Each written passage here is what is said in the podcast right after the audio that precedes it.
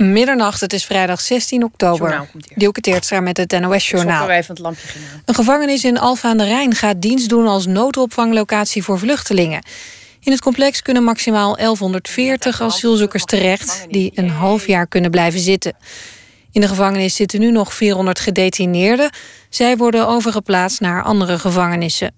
De gevangenisbewaarders blijven er werken, ook als er vluchtelingen in de gevangenis zitten. Er is een voorlopige deal tussen de EU en Turkije over de aanpak van de vluchtelingencrisis. Het akkoord zou betekenen dat Turkije veel meer geld krijgt voor betere opvang van vluchtelingen. 3 miljard in plaats van het eerder beloofde miljard. Zo wil de EU voorkomen dat Syriërs massaal doorreizen naar Europa.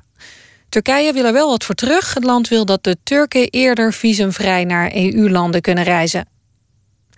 De politie onderzoekt de moord op twee mannen in Hoge Zwaluwe. De lichamen zijn aan het eind van de middag gevonden in of bij een vrijstaande woning in het buitengebied van het Brabantse dorp. De politie weet zeker dat het om moord gaat door de aard van de verwondingen van de mannen. De Gouden Televisiering voor het beste televisieprogramma van het jaar is gewonnen door Syndroom. De 50ste ring werd uitgereikt aan maker Johnny de Mol op het televisiergala in Carré in Amsterdam. In zijn dankwoord zei de Mol dat het programma over en met verstandelijk gehandicapten wordt gemaakt met liefde, respect en humor. En dat zijn zaken die volgens hem de laatste tijd ver te zoeken zijn in de maatschappij.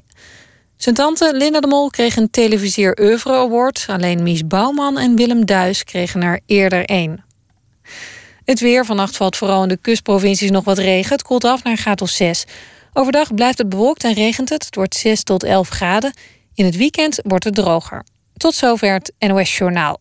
Er is verkeersinformatie van de ANWB op de A12. Den Haag richting Utrecht tussen knooppunt Oude Rijn en knooppunt Lunette staat 2 kilometer. Dit was de verkeersinformatie. NPO Radio 1.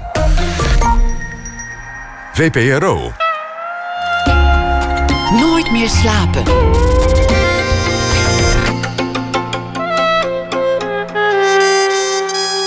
Met Esther Naomi Perquin. Goedenacht en welkom bij Nooit meer slapen. Twee biografieën waar veel om te doen is. Na ene reageert schrijfster Connie Palme op de ophef rond de biografie van Ted Hughes. De Engelse dichter die zij een stem geeft in haar nieuwe roman Jij zegt het. En met historicus Maarten van Rossum praten we datzelfde uur over de onthullende biografie van de voormalige Amerikaanse president Richard Nixon. Verder ook aandacht voor Hoe mooi alles. Een voorstelling over dichter en bioloog Leo Vrooman en zijn vrouw en muze Tineke. Dat allemaal na één uur. Want voor nu zijn, en het komt maar zeer zelden voor, twee gasten aangeschoven: Iris Roskam en Arno Koenen. Iris is patissier, keramiste en glaskunstenaar met een grote liefde voor onder meer gloeilampen, rommelmarkten en suikersculpturen. En Arno Koenen is computer- en mozaïekkunstenaar, brouwt graag bier en liet zijn handen en nek vol tatoeëren om te voorkomen dat hij ooit een representatieve werknemer kan worden. Kortom, twee doodnormale mensen uit het dorpje Klaaswaal, samen ouders van drie kinderen. Los van die kinderen maken ze nog veel meer dingen en daarom zitten ze vanavond hier. Zij ontwierpen onder meer de gigantische binnengevel van de Rotterdamse Markthal. Een kunstwerk van 11.000 vierkante meter dat de Hoorn des Overvloeds heet. Het werd gerealiseerd in samenwerking met MVRDV-architecten en toont onder meer sterk uitvergrote vruchten, bloemen en insecten. En sinds de opening vorig jaar is het een doorslaand succes in binnen- en buitenland. Alsof je gekrompen bent in het gras ligt en de hemel bekijkt. Iris Roskam en Arno Koenen vormen samen een eigenzinnig duo dat het liefst alles met alles verbindt en combineert. Moderne technieken, computeranimaties, ambacht, vuile handen en grote dromen.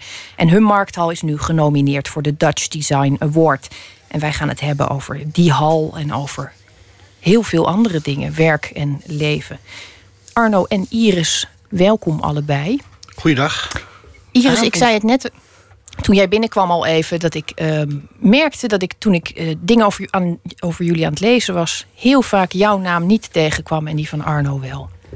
En toen Ja. zei jij dat dat, dat, is, dat dat al jaren zo is. Eh, ja, dat is echt eh, een beetje deprimerend gewoon. nee, ja, zo eh, geëmancipeerd zijn we dus eh, anno 2015. Ja, is het dan omdat Arno Koenen makkelijk lekker bekt dat het, dat het eh, beter werkt? Nou, dat zou een hele positieve verklaring zijn, maar ik ben bang dat het niet zo is. Nee, ik heb geen idee. Ja, ik, volgens mij heeft het gewoon echt mee te maken dat ik een meisje ben en hij een jongetje. Dat is echt het, gewoon het grote verschil. Het is eigenlijk heel raar dat dat ook in, in de kunstwereld eh gebeurt. Zo erg is, ja. Je zou denken dat het een, eh, in principe een, een, een progressief vak is. Hè, iets waar het juist gaat om grenzen verleggen en tegen draad zijn. En, en, en toch is het verbazingwekkend eh, conservatief. Ook eh, heel veel dingen eigenlijk. Ook, ook bijvoorbeeld het, eh, het relatie tussen een kunstenaar en een galerie die nog steeds bestaat. Dat is eigenlijk heel raar. Wij hebben de afgelopen jaren gewerkt met het bedrijf Mothership. En dat is eigenlijk een van de weinigen die, eh, of eigenlijk de eerste die het idee heeft gehad om, om als een soort producent op te treden. Terwijl het in andere kunstvormen heel normaal is, in theater of in de film. Of, dat was eigenlijk voor het eerst ook dat ik me realiseerde dat het eigenlijk veel conservatiever is dan je denkt. En dit, Dat is dat vreselijk. is nog niet zo kwalijk, maar. eh, Ja, nee, echt hoor. Het is niet alleen dat, maar ook hoe zie je op, op de kunstacademie. Je, je gaat naar de kunstacademie en dan heb je je diploma. En dan ga je bij een galerie. En via je galerie kom je in een museum. En dat Als is je ultieme hebt. streven. Weet je wel? Het is zo'n. En that's it. En dat is ja, ik vind dat heel, heel beperkt. Nou, het is een gang van zaken die denk ik niet meer aansluit bij hoe het. eh, We hebben de laatst een, eh, een Nee. rondleiding gedaan met eh, studenten van de kunstacademie in Rotterdam. En er was een meisje die kwam naar ons toe. En die zei van, die wilde heel graag stage lopen bij een, een tatoeëerder. Ik zei, nou, ik weet wel iemand. Maar dat mag dan niet, omdat ze een andere richting had gekozen. En ik denk, hoe kun je nou op de kunstacademie zeggen van... nee, dat mag niet. Dat zijn de regels. Dat Ter- is toch zo... Dat, terwijl het dat kan toch niet? Terwijl tatoeëerders zijn eigenlijk heel erg aansluit bij het heden. In de zin van, dat zijn ja, in ieder geval kunstenaars die eh, hun de eigen broek ophouden. Ja, kunstenaars, dat is juist, of tatoeëerders juist zo aardig, hebben een winkel. Die hebben eh, k- een, een- hun eigen fanschade aan klanten. En die, eh, ja, het wordt eigenlijk direct na oplevering van het kunstwerk... wordt er ook eh, meestal cash eh, afgerekend. Ja, Ja, het is een toonbeeld eigenlijk van hoe het ook kan eh, ja, in ja, de kunstwereld. ja. Ja. Hey, je noemde net al even ehm Mothership, producent eh, die eigenlijk een, een, een link legt tussen plek, kunstenaar. Ja, ook, ook andere partners trouwens. Dus, eh, het, is, het is een vrij grote speler inmiddels. Hij heeft hele grote projecten eh, in binnen- en buitenland eh, gedaan. Is, is eh, Mothership ook degene die de markthal bij jullie onder de aandacht bracht? Of hoe is dat gegaan? Eh, ja, zo is dat gegaan, ja. Eh, met name eh, eh, V. Allen, die bij eh, Mothership eh, werkte toen. Die eh, heeft eh, namens Mothership eh, de pitch georganiseerd. En met allerlei, ook een, een lijst opgesteld met allerlei namen, grote namen voornamelijk. Allerlei wensen van de alle partijen, van de, ontwikkelaar, de architect, iedereen. En eh eh, mocht dus één eh, één kandidaat leveren. Ze hadden verder geen stemrecht in, in, het, in, het, in de jury of iets dergelijks. Maar ze van, nou, je mag ook een. En dat waren wij dan. Wij waren eigenlijk in het, in, in het gezelschap op de longlist... eigenlijk een beetje de, nou ja, de underdogs, zou ik willen zeggen.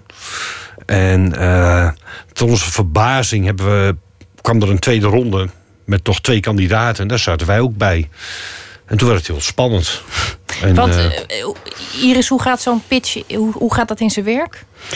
Wat moet ik me daarbij voorstellen? Want ik, ik ben Nou er is dus een, toch een soort van opdrachtstelling. Want eh, het materiaal en zo, dat stond allemaal vast. En eh, ze wilden natuurlijk wel iets wat met markt gerelateerd was. En dan moet je wat gaan bedenken. En dan moet je op een gegeven moment... komt er een dag en dan zijn al die mensen die gevraagd zijn... wat te bedenken, die moeten dat presenteren. En dan gaan ze daarover beslissen. Een soort spreekbeurt eh, from hell, Ja. denk ik. Want Ja, het gaat maar dan- heel groot en Ja. In dit Ja. geval is het een, Ja. is een megaproject. Ja, dit was voor ons ook wel heel zenuwachtig. eh, dan strijd je om een aai over de bol van de meester. En nu ging het om een, om, om een bizar, eh, ongekend eh, kunstproject. En dat was natuurlijk wel heel heftig, zeker in die tweede ronde. Dat we zouden van, shit, het zit echt, we, we gaan dit misschien wel binnenharken. Lagen En- jullie en- wakker? Want hoe, dat moet, jullie Nee, wonen daar in hebben we één geen tijd huis. voor. Dat, Want eh, die pitch, eh, de eerste eh, deel, daar hadden we drie weken de tijd voor. En dat, dat was eigenlijk best kort. We toen eigenlijk de juiste beslissing genomen om direct te kiezen voor het medium van de computer graphics. Dat is iets wat we veel ervaring mee hebben ook. Met terugwerkende kracht kan ik dat zeggen. Omdat het, er zaten heel veel mensen die met fotografie bezig waren. En het was ook eigenlijk iets wat eigenlijk helemaal niet geschikt was. In die zin dat men wilde een, een, een, eh, een, een soort panorama op, op, eigenlijk op het dak. Wat één beeld. En dat mocht niet uit een collage bestaan. En later kwamen we ook achter dat het ook technisch gezien helemaal niet eh, mogelijk was om dat eh, niet op deze manier te doen. Op deze de echte de volledige digitale manier. En dat hebben we ook in die pitch eigenlijk al gedaan. Wat mensen bijgehaald die we kenden. En eh, we een klein teampje samengesteld, wat later ook eh, de boel echt heeft uitgevoerd. En daarmee ook die pitch gedaan. Dus hebben we er met, met z'n allen echt eh, keihard werk van gemaakt. Animaties gemaakt. De, en ja, daarmee hebben we dus ja, toch de, de hoofdprijs binnengehaald. Dan moet je dus vanaf het moment dat je weet... oké, we moeten over drie weken gaan pitchen... en dan moeten we gaan vertellen waarom wij het moeten worden... en wat we kunnen bieden. Was er toen al enig idee? Hadden jullie al enig idee? Je, je, ik bedoel, het is een, een, een, bij wijze van spreken een stuk canvas van 11.000 vierkante meter. Ja, het is heel groot. Ja, ik bedoel, ik ken schrijvers die zitten voor een wit blad al te trillen van wat moet ik in godsnaam Ja, maar doen. je ziet het op je beeldscherm, dus het is heel overzichtelijk. Ja, we waren wel behoorlijk hysterisch eigenlijk. Ja. Dat we überhaupt waren uitgenodigd. Ja, we hebben er heel veel tijd in gestoken in die pitch. Echt heel We hebben veel. wel drie, drie, drie Ja. weken met z'n allen daar gewoon permanent aan gewerkt.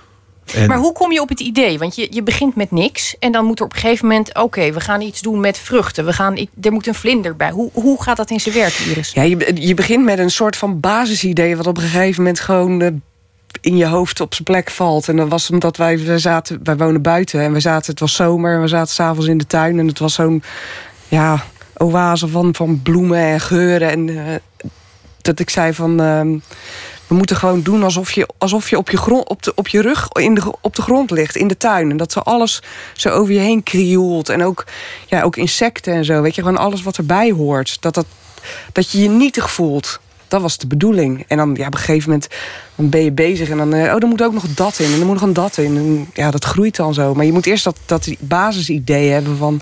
Je wil niet een fruitmand maken. Was ook wel leuk geweest trouwens. je moet wel-. Je moet wel een beetje eerlijk zijn. We zaten in de tuin en wat, als de kinderen in bed liggen s'avonds, zeker zomers in de tuin.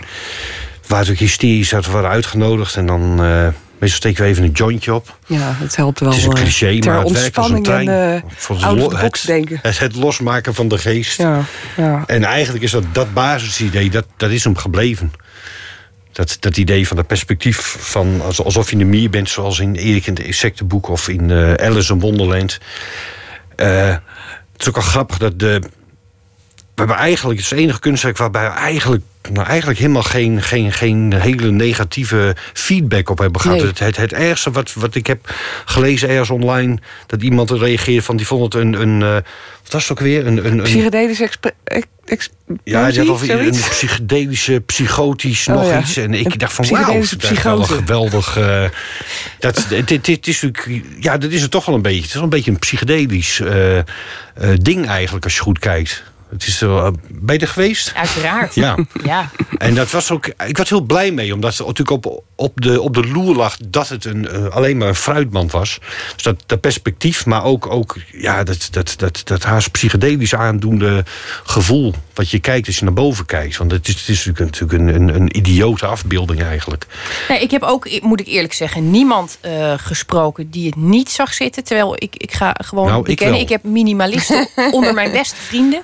Zelfs die eh, waren erg onder de Ja, maar er was op een gegeven moment was ook eh, met de Van die Ja. liepen in Rotterdam. Ja, weet je wat die het, zei? en, Die vond het best heel aardig. Ja, die zei op een gegeven moment Nou. best heel aardig. Ik denk van wauw, weet je, zelfs die man, zelfs die gasten Ja, nog, nog, was nog, minder nog, nog, te spreken, nog hoor, een klein beetje die mondhoeken omhoog hebben gekregen. Dat vind ik toch wel een hele prestatie. Ja. Hey, maar terug naar de pitch. Jullie hadden dit idee. Je presenteert dat drie weken later. Je wordt het. En dan komt de technische uitvoering. Ik heb gelezen, en dat sprak bij mij tot de verbeelding... dat het, het hele bestand niet in een computer past. Dus als je dat hele, de hele afbeelding zou willen eh, Nou, het- opslaan, dan, het- dat kan het- niet. Het kan niet als, als één plaatje bestaan, kwamen we achter. Ja. Kan niet Omdat als het te één. groot ja, is. dat, dat vind ik dus. Dat, dat- Nee, want stap Ja, 1 was dat dat we... wij ook op een gegeven moment. dat we waren, we een- dachten, het, het kan helemaal niet van Nee. we Nee. willen. jullie maken iets eigenlijk wat helemaal niet kan. Ja. Nou, de mop was, stap 1 was eigenlijk een, computer gekocht bij onze computerleverancier. Van we willen heel extreem kunnen photoshoppen. Dus die hebben een computer gebouwd. En toen bleek dat, dat in Photoshop een soort grens zit van... als je één plaatje hebt, die, die, die, die kan maximaal 200.000 bij 200.000 puntjes zijn. Dan kun je wat iets intoetsen, maar zegt hij gewoon... nee, dat gaat niet. Ik heb later mijn broer gevraagd van waarom is dat? En die zei ook van ja, dat is op het moment dat ze dat, een programmeren zijn geweest... hebben ze natuurlijk, ja, je moet ergens grenzen stellen. En ik denk van nou, dat gaat toch nooit iemand doen. 200.000 punten bij 200.000. En we hadden nog veel meer puntjes nodig. En daarom lag ook de technische oplossing... het feit dat wij er gekozen voor, voor een, een, een 3D-rendering... Uh, wat is een, dat moet je me even uitleggen. Want nou ja, eigenlijk hoe alle films tegenwoordig worden gemaakt van eh, de Spickaboomie en, en, en ja, in de computer. 3D-graphics. Animatie. Ja. ja. Frank aan de Steggen en uh, Michiel uh, van Iperen, die hebben we daarvoor ingehuurd. En uh, kameraden van ons eigenlijk, die daar heel goed in zijn, technisch heel goed, veel beter dan, dan wij. En die kwamen ook telkens met die technische oplossingen. Dus we nadenken, hoe gaan we dat doen? Ze nou, we beschouwen het gewoon. Het gebeurt toch in een soort van animatiepakket. En we kunnen wel dat beeld in honderd vakken opdelen. En dan de camera, zeg maar, uh, uh, die verschillende onderdelen los uh, renderen. Die allemaal op, op, maximaal zetten. En bij elkaar wordt het dan een, het, het beeld. Maar dat heeft dus nooit als zodanig als, als één plaatje bestaan. Het leuke van dit onderwerp is natuurlijk dat als je het uitlegt dat helpt dat helemaal niet. Nee, ik, ik snap het ook nog steeds het niet hoor. Het wordt alleen maar nee, eigenlijk complexer. Het, is ook niet te bevatten. Maar alles, alles aan dat project was... Iedereen die eraan mee heeft gewerkt... Was, voor iedereen was het een, uh, een soort onontgonnen gebied. Of in ieder geval iets wat ze nog nooit eerder hadden gedaan. Zelfs de, de plaatje moest op een gegeven moment gerenderd worden. Ik kan ook niet thuis op mijn pc. Dus dat moest op een renderfarm waar uh, normaal uh, bioscoopfilms op uh, animatiefilms worden... van die Pixar animaties worden uitgerekend hebben die jongens ook geregeld. En het was ook nog, dan nog ingewikkelder. Dat hele beeld dat verschillende lagen bestond. En de achtergrond was daar weer in, in, in een andere omgeving gebouwd, zoals dat heet. En die moest in, in Frankrijk worden gerenderd op een renderfarm. Omdat ze dan, uh, en, en de rest is in Nieuw-Zeeland gerenderd.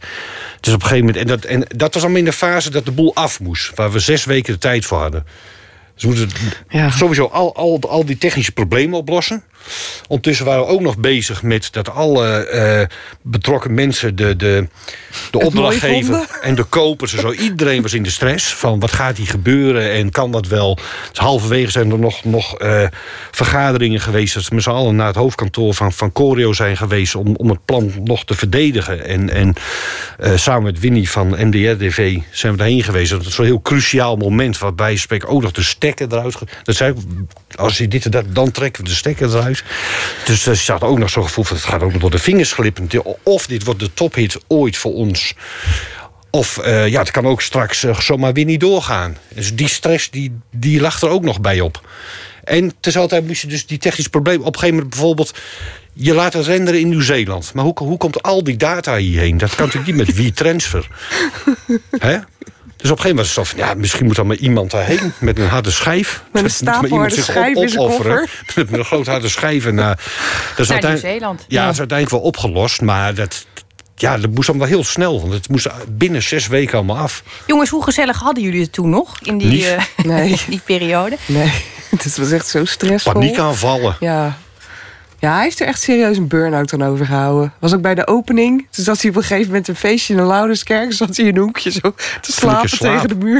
Ik was helemaal afgewacht. Helemaal kapot. Het is, uh, ja. nou ja, het succes is er naar. Wat.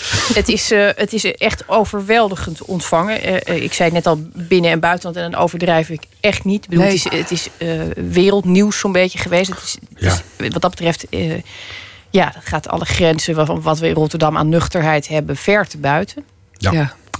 Uh, maar goed, daar, daar, daar betaal je dan uh, blijkbaar een uh, prijs voor dat je in slaap valt op je eigen feestje.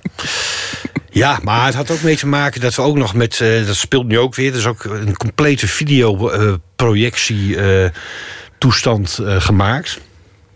En uh, dat heeft tot de dag van vandaag nog niet gedraaid, maar er wordt nu weer aan gewerkt. En dat was ook nog in de laatste, behalve bij de opening. En uh, met, met acht hele dure beamers. En uh, we hebben alle content gemaakt. En uh, dat hebben we ook nog de nachten voor de opening... ook nog s'nachts allemaal moeten testen. Dus het... het ja, en die, die dag van die opening duurde ook maar... dat begon s ochtends Nou, van de week tot- ervoor, tot- allemaal tot- tot- interviews en foto's. En, Ja. En je maakt net een zegt net van over, over heel de wereld, maar we op een gegeven moment was ook gewoon, gewoon, gewoon melig van. eh. en de bizarste was dat mijn vader met een verhaal kwam dat een, een, een kameraad van hem in, in Mongolië in een hotel zat. En daar op de lokale tv een reportage zag over de markthal in Rotterdam. Ik dacht van, nou, de ge- gekke kan niet. nee. Prachtig, ja. Eh, we gaan straks verder praten. We gaan luisteren naar muziek. Uit Melbourne in Australië komt een instrumentele soulband met lekker veel blazers. En die noemen zich de Cactus Channel. Ik bedenk het ook niet, die namen. Zo noemen ze zichzelf. En op, het meest, eh, op de meest recente single krijgen ze vocale bijstand van de eveneens Australische zanger Chet Faker. Hier is Sleeping Alone.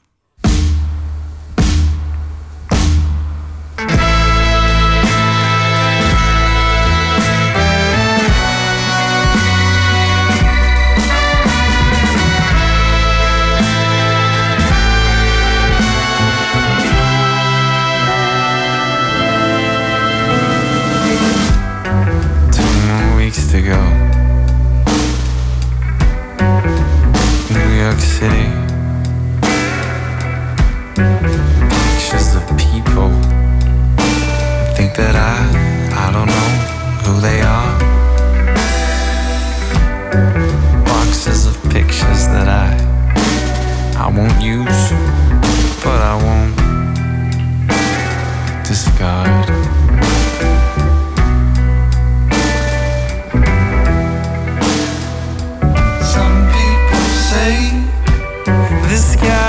this guy, this guy we knew.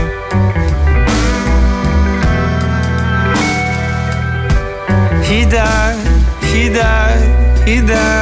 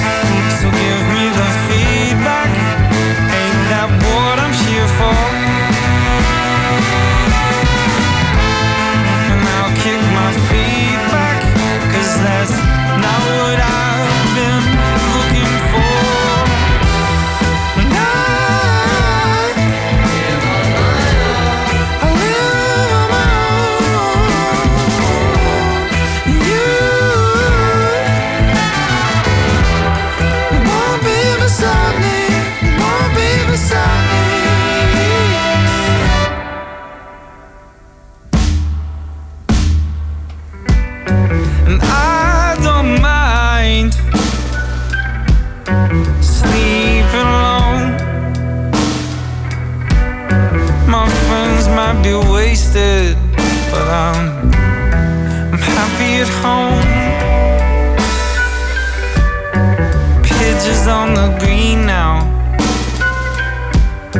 And Marchin's got the floor. Sarah wants to spoon. And Benny, Benny's going more and more. These guys, these guys, these guys I knew. They be good, they be good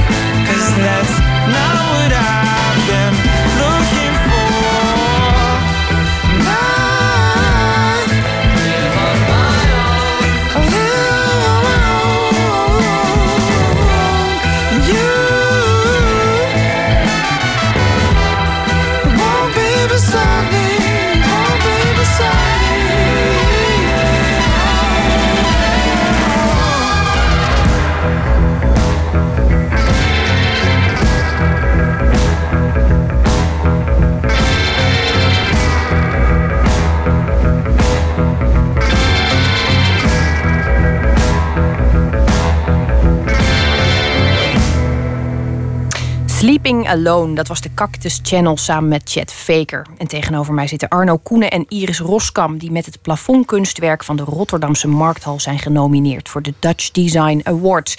En die prijs wordt volgende week uitgereikt tijdens de Dutch Design Week. En van die Dutch Design Week mogen wij een aantal paspartouts weggeven. Wilt u daar nou ook heen en denkt u, ja, dat wil ik... Nou, dan moet u even naar de Facebookpagina van Nooit meer slapen... en dan kunt u daar alles uitleggen... Ehm, en, en wie weet, dat is dan heel fijn. Dan kunt u daarheen.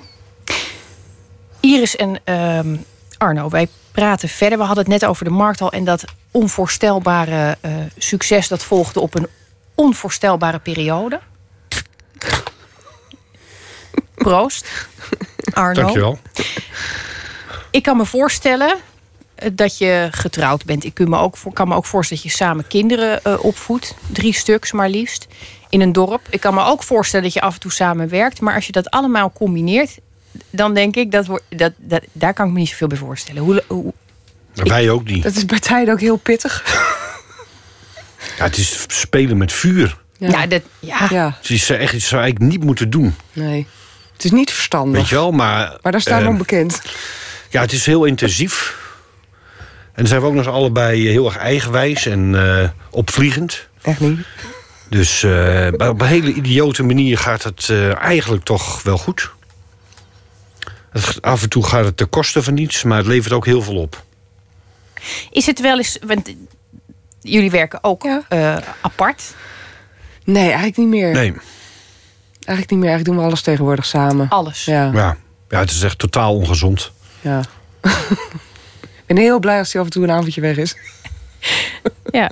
Ja, nu kwam je hier, maar jij. maar dat gebeurt bijna bijna nooit. Nee, dat, dat, dat, Ik ga af en toe een stukje roeien, dat is het wel. Jullie zijn echt als duo eh, uit de kast gekomen, las ik op een gegeven moment. Ja. Eh, daarvoor hebben jullie natuurlijk altijd eigen werk gemaakt. En eh, op een gegeven moment is dat, is dat naadloos in elkaar geschoven.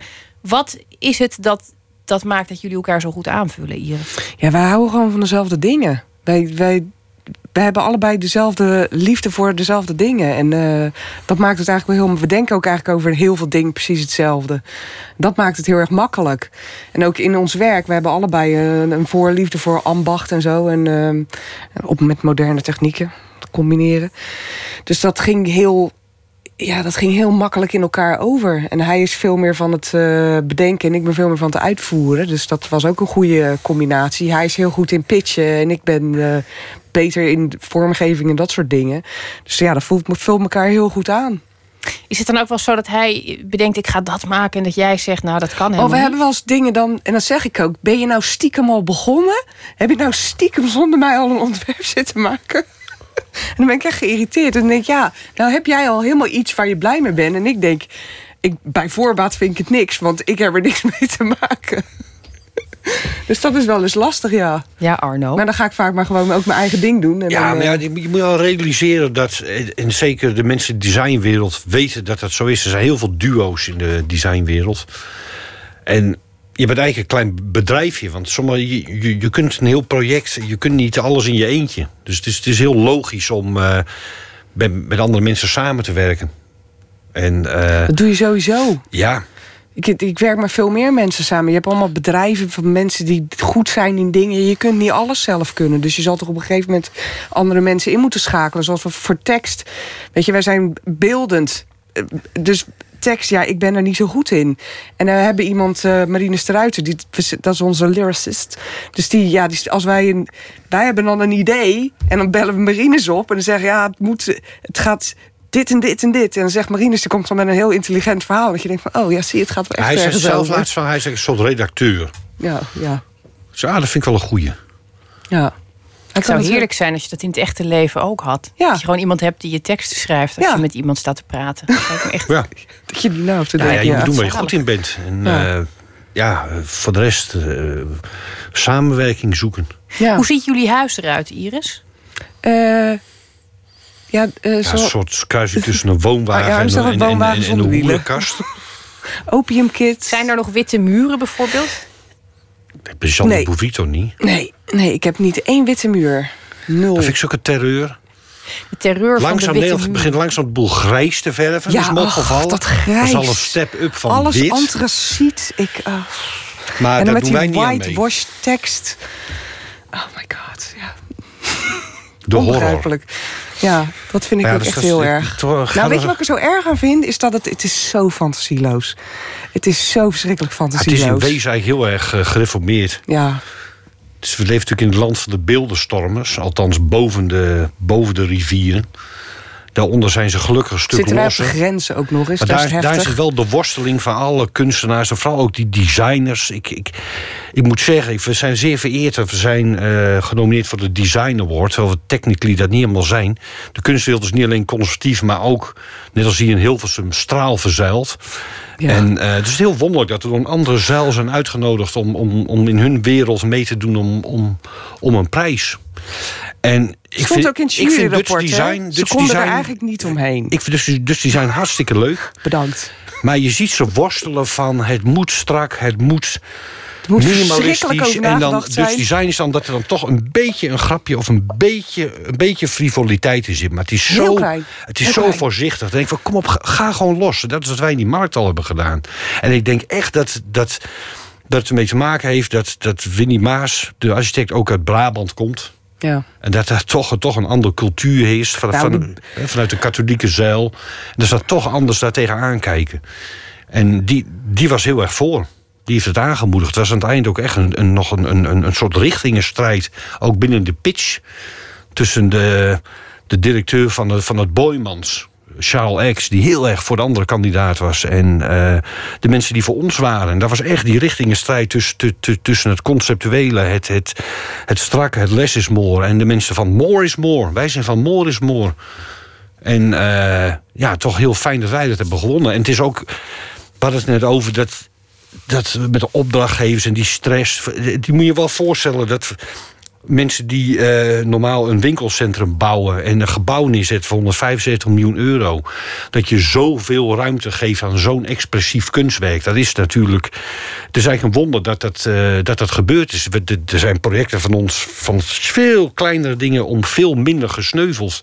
En dat dan op een of andere gekke manier eh, dit toch in deze vorm gewoon doodleuk op dat dak terechtgekomen is. Dat is echt.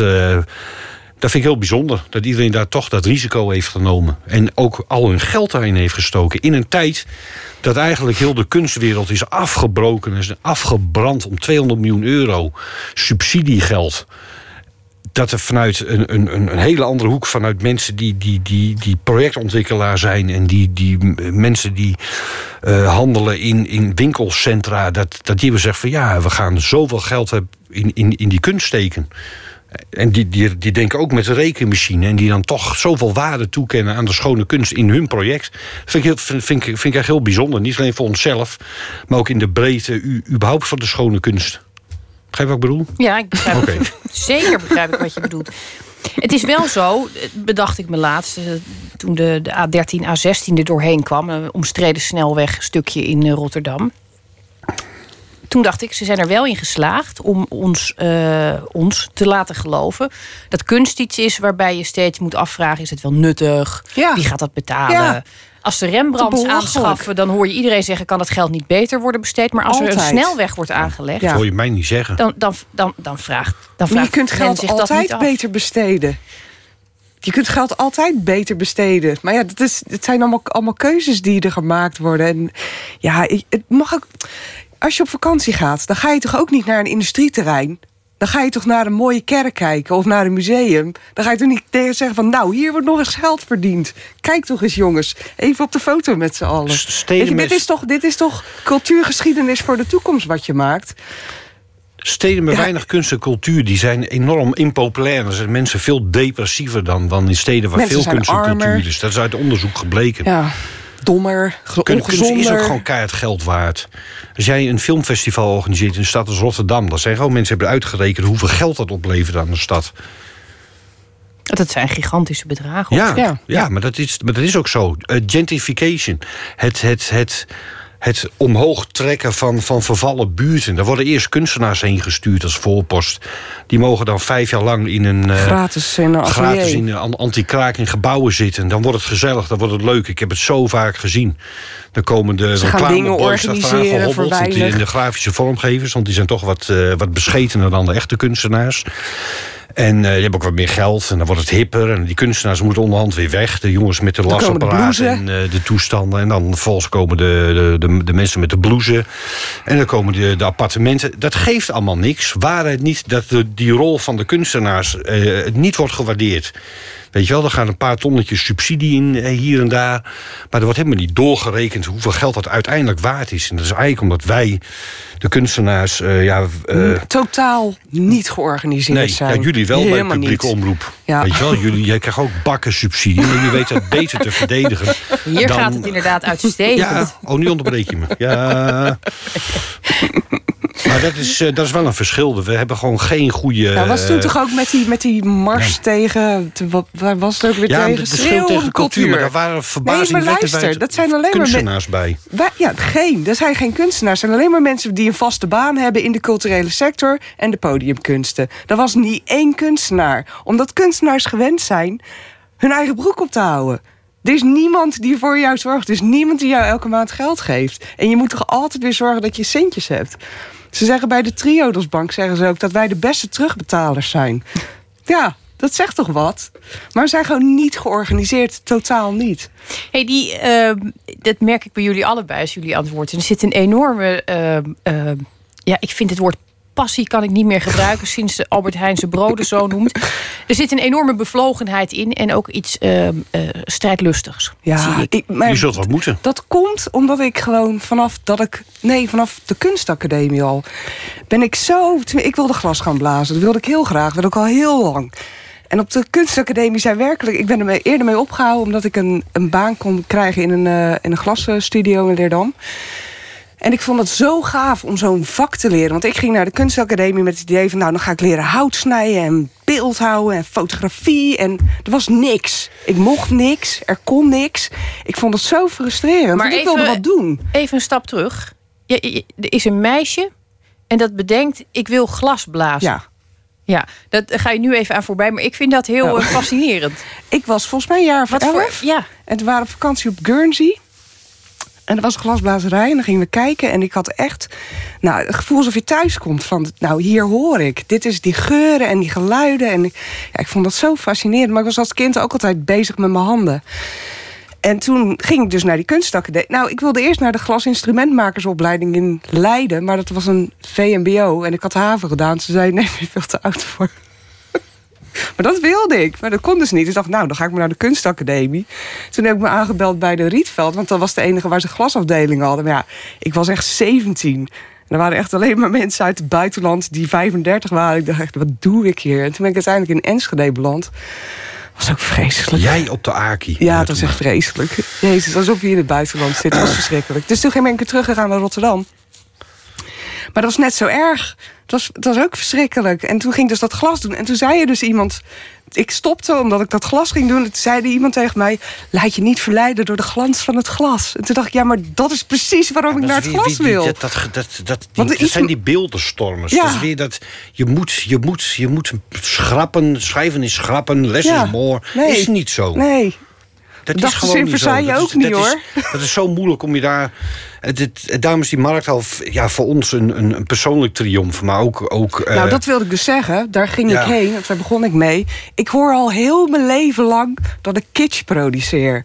En dat is zo offensive om te zeggen. Want dat betekent, wat betekent kitsch nou eigenlijk? Dat je nep bent. Dat is toch heel onaardig om te zeggen. Want het komt echt vanuit mijn tenen, weet je wel. ik En dan, Sander Bouvie kitsch. ja, ja, Strakke bullshit, die witte Ja. muren. Die, Ja. Al dat wit en dat strak en dat chroom. Dat, dat, Ja. moderni- dat is modernistische kitsch. Kitsch is niet echt.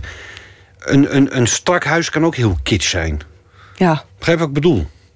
We hebben een koekoeksklok ge- klok gekocht van 2000 euro. dat is een... Dat is een, dat is een wonder van, eh, van vakmanschap. Dat is niet kitsch, dat is hartstikke echt. Het is gewoon gedemoniseerd door, door, door, door de, de terroristen van, het- van het strakke de goede gedoe. smaak. Van de modernisme. En dat de is in- demonisering van de koekoeksklok is bij deze ja, maar dat is, Ja, in, in Nederland is dat heel hardnekkig. Nederland Ja. is natuurlijk ook het land van de, van, van, van, van, van, van het de hier uitgevonden, beeldenstorm. ja. En dat, er zijn ook dingen die in, in het buitenland veel, meer geaccepteerd. Ik, ook, het is nu wat, wat voorbij, maar het is jarenlang was bijvoorbeeld de street art eh, heel erg populair. En daar, ik ken heel veel mensen die, die graffiti-schrijvers... of, of mensen die, die, die in die wereld, die in het buitenland enorm succes hadden... en die hier gewoon denken van waarom hangt ze hier niet in een museum? Wel, wel in een modern museum in, in, in New York of in, in, in San Francisco... maar, maar niet in het, in het fucking Bo Boymans Nou, of in het eh, stedelijk hier. Waarom? Femke Hiemstra. Dat zijn onze, dat zijn Femke onze. Banksies, hè? Dat wordt, wordt gewoon niet, niet gewaardeerd. Femke Hiemstra, dat is, die schildert. Ja, die schildert echt zo prachtig. Die heeft gewoon wachtlijsten in Amerika. Die, die heeft volgens mij nog nooit ergens in het museum gehangen hier. Dat vind ik echt onbegrijpelijk. Het is gewoon een soort van blinde vlek voor alles wat figuratief is. Strips mag je ook alleen maar lezen als het. eh, hoe heet het nou? Graphic, Graphic novels novel. zijn. Want strips zijn voor kinderen. En graphic novels zijn voor mensen met smaak. In Frankrijk is dat hoge echt- kunst. ja.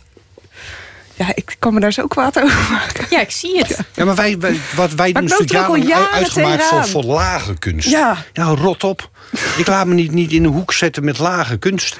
Nee. En daarom is het zo tof dat het op het dak van die markt al zit en een tophit is. Maar dat is niet alleen voor ons, dat is ook voor al onze kameraden. Ja. Het is een hele generatie Rotterdamse kunstenaars die, eh, die in die geest werken. En eh, wat, wat gewoon toch heel lang niet gewaardeerd is. We gaan het straks hebben over eh, hoge en lage kunst en, en alles wat Oh, alsjeblieft daartussenin zit. Ehm, Dat, Nou, moet we- dat, dat moet weg. Er bestaat geen hoog en laag. Nee. ik heb, nu, ik heb nog een hele plaat om je te overtuigen van het eh, nut ervan. We gaan muziek draaien van Jimmy Charles Moody. Een nog eh, altijd anonieme muzikant over wie heel veel wordt beweerd. Ehm, waaronder dat hij uit Engeland zou komen, maar eigenlijk weet niemand hoe het echt zit. En van Jimmy Charles Moody is dit in elk geval Blue Honey.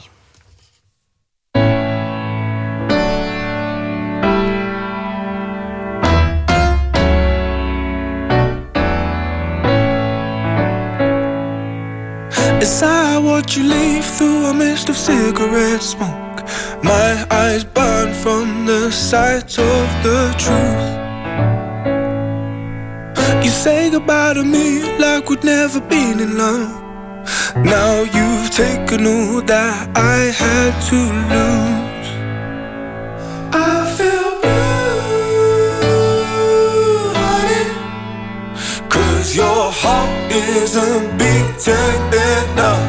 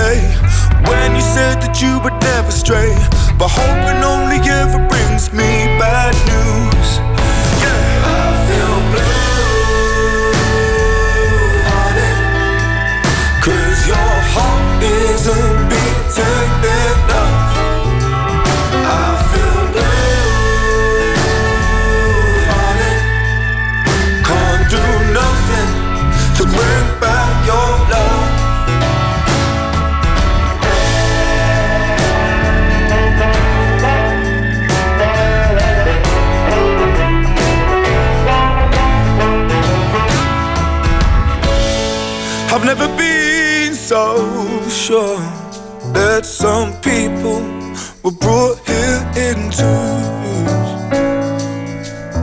You and me, honey, so simple, so pure. Please, can you come back real soon? I feel blue, honey. Cause your heart isn't beating enough.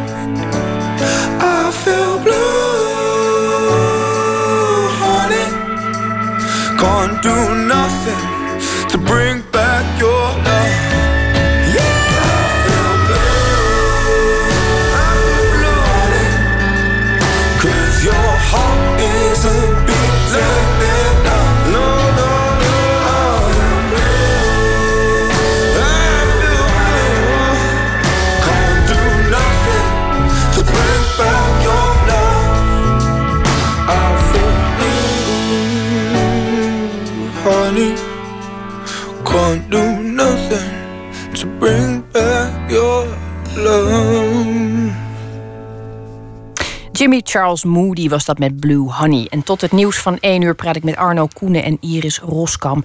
En we hadden het net even, terwijl die plaat draaide, over eh, het verschil tussen hoge en lage kunst. En dat we het daar helemaal niet over gaan hebben. We gaan het hebben over, eh, over vaders en over, eh, over het nest waar je uitkomt. Iris, kom jij uit een kunstzinnig gezin? Ja, mijn vader die is ook kunstenaar. En eh, nou, ik moet wel zeggen, mijn jeugd heeft me in, wel zo gevormd. Want mijn vader die was altijd heel erg gek van de architectuur. Dus we gingen heel veel... eh, volgens mij heb ik echt elke kerk, elke, elke rococo en barokke kerk in Duitsland en Italië wel gezien. Maar dat heeft mij wel... eh, ik weet nog wel dat er dan lagen er skeletten. En die waren dan zo mooi versierd. En dan vond ik dat zo gaaf. Oh, er ligt een skelet. Kijk, en dat ze dan al die botjes met lintjes hadden omwikkeld, weet je wel. Dat vond ik zo mooi. Zo, dat vind ik zo prachtig dat je zo met je dood omgaat. Niet luguber, dat vind ik echt gewoon mooi. Dat is zo liefdevol, weet je wel. En dat vind ik, eh, ja, dat, dat heb ik wel meegekregen uit mijn jeugd, ja. Dat heeft hij. We eh, lagen mee- nooit aan- op het strand. Dat vond ik toen heel erg. En wat doe je tegenwoordig zelf? Nou? Wat heb je van de zomer gedaan? Oh ja, ik neem mijn kinderen ook mee naar die gaan ook niet naar het strand. Ja, wel, we gaan ook zwemmen. We gaan ook zwemmen. Ook. Ja, ook. Ja. Ja. Maar ik- Catharina, mijn, eh, mijn oudste dochter, die heeft ook al eh, die fascinatie voor die eh, skeletten in die kerken ja, ontwikkeld. Dat is wel heel grappig om te zien. Ja, dat is, dat is prachtig om te zien hoe dat doorstroomt natuurlijk. Ehm, Arno, hoe zit het met jou? Had jij een kunstzinnig gezin? Mijn vader is tekenleraar. En eh, ik, pas sinds kort realiseer ik me, omdat met dit soort dingen eens wordt gevraagd: van hoe zit dat? Dat, dat, dat hij daar toch wel een beetje eh, dat wat mee te maken heeft. Want hij nam als klein jochie al mee naar de documenta bijvoorbeeld. Is een paar jaar geleden mee opgehouden, omdat ik het op een gegeven moment ook wel een beetje klaar was met die documenta. Maar ik ben daar wel een keer of vijf. Het is één keer in de vijf jaar. Ik ben al een keer of vijf met mijn vader geweest. En op de Westkunst in, in eh, Keulen. Allemaal van die grote manifestaties met moderne kunst, en postmoderne kunst. En eh, dat heeft toch wel een zaadje geplant, denk ik. Eh, Hebben jullie gesprekken daarover gehad toen je, ehm, nou ja, niet alleen de kunst inging, maar, maar inmiddels, nou ja, Sorry. inmiddels naam hebt gemaakt? Ik bedoel, ik- krijg je dan nog gesprekken over, goh, wat ouders claimen dat nog wel eens? Ja, dat heb je van mij of eh, dat heb je van mij. Heb je, heb je dat soort Ja, zeggen gesprekken andere gehad? mensen zeggen Nee. dat dan. Dat heb je van je vader. Die was ook zo artistiek. Nee, mijn vader heeft, heeft wel iets van, die, die had kunstenaar willen worden. Maar hij werd tekenleraar. En dan vindt hij het wel heel fijn dat ik het dan wel heb gedaan. Hij zegt dan, dan ja, hij vindt het jammer dat hij dat zelf niet heeft gedaan. Dat hij zelf niet, niet eh, eh, de bols heeft gehad om, om, om, om er gewoon voor te gaan. Ja, is dat het, denk je? Ja. Het, een kwestie van. eh, Ja. Ja, ja hij, hij zegt dan van ja, in die tijd. Maar ik denk van ja, je bent een babyboomer. Volgens mij toch in de, werkelijk toen alles, alle Gratis. mogelijkheden gaat om dat te doen. Het is nu moeilijker als in de jaren zestig of zo, weet je wel. Ik bedoel, eh, toen kreeg je werkelijk, eh, weet je, met de subsidie om je oren geslagen, of je wou of niet. En eh, dus ik, ik denk dat dat toch in, in je karakter zit. Of je het, eh, of je een, een, ja, toch eigenlijk een soort een ondernemer wordt. Of eh, hè, dat je zelf al, al je risico's gaat. neemt. Of, en het kwalijk vind ik wel dat zelfs als het goed gaat, mensen op een of andere manier toch altijd proberen eh, in hun wereld in te sukkeren. Want als kunstenaar heb je natuurlijk altijd ups en downs. En tot, tot zelfs nog, nog vlak voordat die markt al toestand was, op een gegeven moment weer even zo'n moment dat, het, dat er geen geld is. En dus ik op een gegeven moment ook nog, eh, ik zal verder geen namen noemen, maar ook eh, een ouder. dan maar voorstelt van nou, dan, eh, ik weet nog ergens een baantje als tekenleraar, weet je wel. De mensen kunnen er Ja, toch niet zo goed tegen dat jij maar doet wat je wil. Ja. En waar, wat dat betekent dat zij misschien maken. voor de verkeerde redenen toch dat, dat, dat Finex-huis hebben en die rotbaan en, en, en die hypotheek en al, al die shit waar ze vastzitten, waar ze niet gelukkig mee zijn. Dat ze toch als de kans krijgen, als jij down zit, om je er toch ook terug in te sukkeren. Zo van, nou, doe dat maar, het is toch verstandig. Als ik dat toen op dat moment had gedaan, dan weet ik zeker dat, dat, dat dan, dan, als ik op dat moment tekenleraar op, op dat VMBO was geworden, dan hadden we die markt al niet gedaan. Dat is voor mij toch wel het bewijs dat je gewoon, hoe dan ook, gewoon keihard eigenwijs door moet knallen. Want ja, zoveel support krijg je uiteindelijk toch niet. Nee. Zoals als je wint, dan heb je nog steeds. eh, begrijp je wat ik bedoel? Ik begrijp wat je bedoelt. En ik, ik, ik zit me ook ineens te bedenken dat ik eigenlijk van heel veel tekenleraren en ook leraren Nederlands altijd heb vermoed dat ze eigenlijk kunstenaar of schrijver hadden, Hadden willen zijn. Ja, Ja. tuurlijk. En daarom is voor mij echt, eh, dat is dat verhaal wat je zei met, eh, dat is niet waarom ik de boel heb ondergetatoeëerd, maar ik weet wel van tatoeëerders dat ze zeggen van met handen en zo, van als, als dat ze mensen wel waarschuwen van besef je wel dat als je je handen onder tatoeëert of je hals of je gezicht, dat je ook een hoop dingen onmogelijk maakt voor jezelf. Hè? Dan, dan, ik dacht, en ik zag dat van iemand zei van ja, ik, ik maak ondernemers van mensen. Ik van, ja, dat vind ik een goeie. Dus weet je wat, tatoeëer me onder die handen. Want, Wat ik, je- want, want ik wil niet, ik wil niet op een bepaald moment dat toch gaan doen. Ik wil gewoon die, die hiermee dood, doodgaan, wij spreken. Of het nou goed gaat of slecht. Ik ga dit doen. Wat heb je op je vingers staan? Zie ik. Vraag ik me nu ineens af. Ja, iets heel saais, houd vast. En jij, Iris, heb jij ook wat je op Love je and vingers? Hate. Dat was een, de, naar aanleiding van een tentoonstelling. Love and hate. Ja. En, die, en deze dingetjes zijn wel grappig. Dat ging, dat ging toen de tijd, vanwege die tentoonstelling, ging heel erg over de haat-liefde verhouding die ik heb met de kunst. Want aan de ene kant wil ik het heel graag en ben ik heel blij, maar je wordt zo. Ja, het, het ging allemaal zo moeizaam. Je hebt zulke domme gesprekken met mensen over dingen dat je denkt, jullie snappen het gewoon allemaal niet. Jullie snappen het gewoon allemaal niet. En ik heb gelijk, ik weet dat ik gelijk heb. En ik zal het bewijzen ook. Ja, ik werd er alleen nog eigenwijzer van. Is het nu anders? Want de, nou ja, de- kijk, jullie waren natuurlijk al jaren bezig. Je hebt hele grote dingen gedaan. Zelfs dingen die ik, toen ik foto's langs zag komen, dacht ik: Oh god, is dat ook van jullie? Of is dat ook van dat? Dat is al heel lang. Nu is die markthal er en ineens Ja. duikt iedereen er bovenop. Ja, en dan worden een beetje nu. dan word je plat gebeld ook, neem ik aan, met eh, kun je niet hier iets en wil je dat niet doen? En Nou, Nou, van- ja, dat ja. valt eigenlijk wel mee. Nou ja, dat, er is heel veel veranderd. Die, die markthal is natuurlijk eh, soort, wel een soort. Het wel alles veranderd op een bepaalde manier. Maar op een- je moet nog steeds. eh, het, het is geen enkele garantie voor de toekomst. Eh, en ik, ik, ik lees heel veel de aardschok. Dat is een tijdschrift over bands. En. eh, dat, eh, dat, ik vind die parallel zo mooi. Er wordt een band gevraagd van en die LP en die hit-LP. Ik ben zelf enorm fan van Slayer. Slayer kan het eigenlijk nooit goed doen. Super beroemde band. Tophits gemaakt. En iedere LP moeten ze toch weer krijgen. Ze weer kritiek. Of het is niet goed. Of het is toch niet zoals Angel of Death. Of als Rain in Blood. Weet je wel. En dat, dat blijft gewoon. Dat verandert nooit. Je moet altijd. Je, je kunt niet zeggen van nou, nu hebben we dat gedaan. En nu is het, nu is het klaar of zo. Moet je toch altijd jezelf weer op. Toch weer een beetje opnieuw uitvinden en weer nieuwe wegen ook Als je, hier, saai. als je hiermee door wil gaan. Dan wordt het een baan. Ja. Ja. ik wou net zeggen, ik vind het eigenlijk ook wel bij jullie passen dat je je iedere keer weer bij, bij alles ja. Opnieuw in de waagschaal moet stellen om Ja. het eh, te Maar bewijzen. anders wordt het toch ook verschrikkelijk saai. dat heb je als Dumas die heel de leven hetzelfde schildert. Ik zou knettergek worden. Het lijkt me verschrikkelijk saai. Er is nu een groot project in Amsterdam, als ik het goed heb, waar jullie mee bezig zijn. ja. Eh, oersoep. Dat is nog over de topper. Dat is nog, ja. Dat wordt echt hysterisch. Ehm, nou, dit, dat kan ik me bijna niet voorstellen. Als ik, ik heb de markthal namelijk eh, meerdere keren gezien inmiddels. En eh, nou ja, hysterisch vind ik het niet. Ik vind het, eh, eh, ik vind het waanzinnig. Ik Nee, vind het, ik ook niet. Maar men... Maar dit, zeg jij, wordt nog groter? Ja, want het is de, er komt een, een terrazzo-vloer. Er komen... Het is zeg maar een passage. En dan zitten er links winkels. En rechts is een blinde muur. En eigenlijk wilden ze op die blinde muur wilden ze iets. Maar we doen het samen met Hans van Bentum.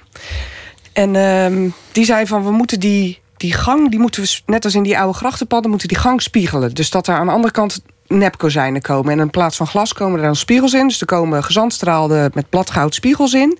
Dan komen er nog tegeltjes op de wand... waar ook nog allemaal weer goudtransfer op zit. Dan komt er een glasmozaïekplafond. Van meer dan een miljoen steentjes. En dan komt er ook nog eens... komen er, hoeveel? Zeven? Zeven Ge- enorme kroonluchters in te hangen. Gemaakt, Gemaakt van van- fietsonderdelen. Dus, eh, oh, en een watertappunt. Bij je water, waar je de Amsterdam oersoep kunt kopen.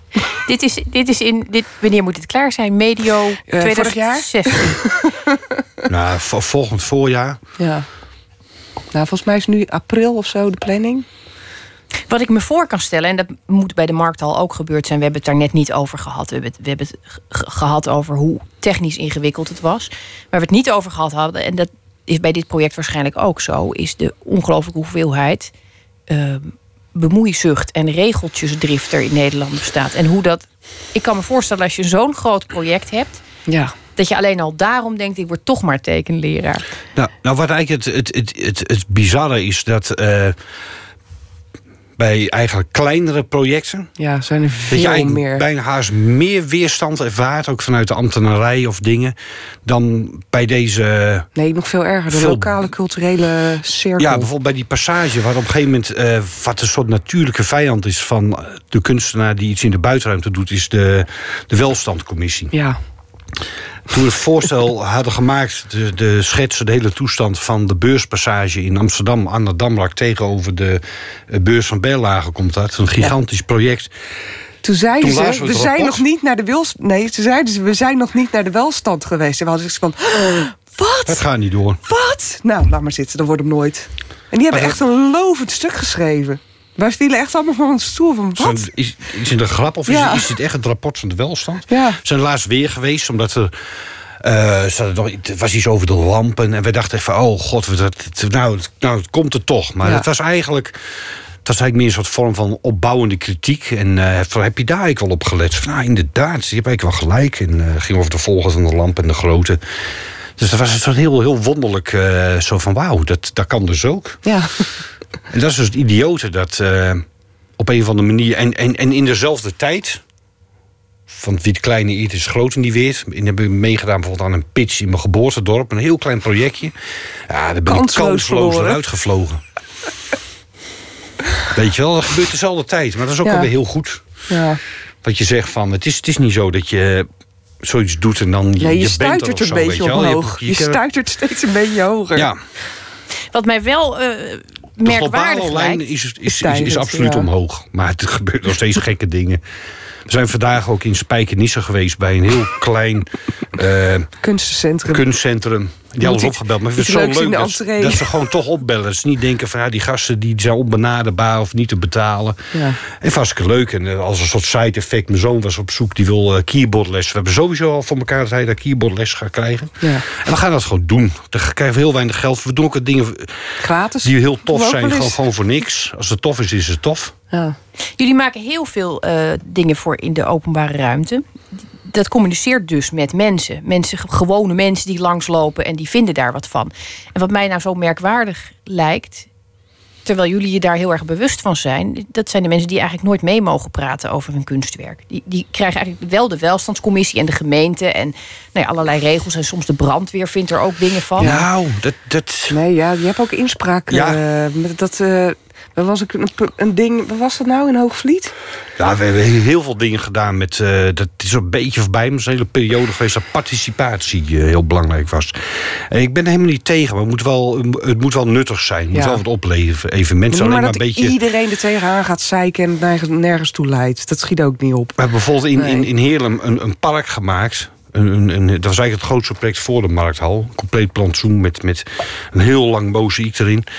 En hebben dat gewoon ingezet. Op als je in zo'n stad komt, je, je weet helemaal niks van. Met die, met, die, met die mijnen en die mijngeschiedenis. En je kunt daar wel iets gaan maken. Maar als je dan toch participeert... Nou ja, eh, laat maar wat zien. We gaan maar research doen.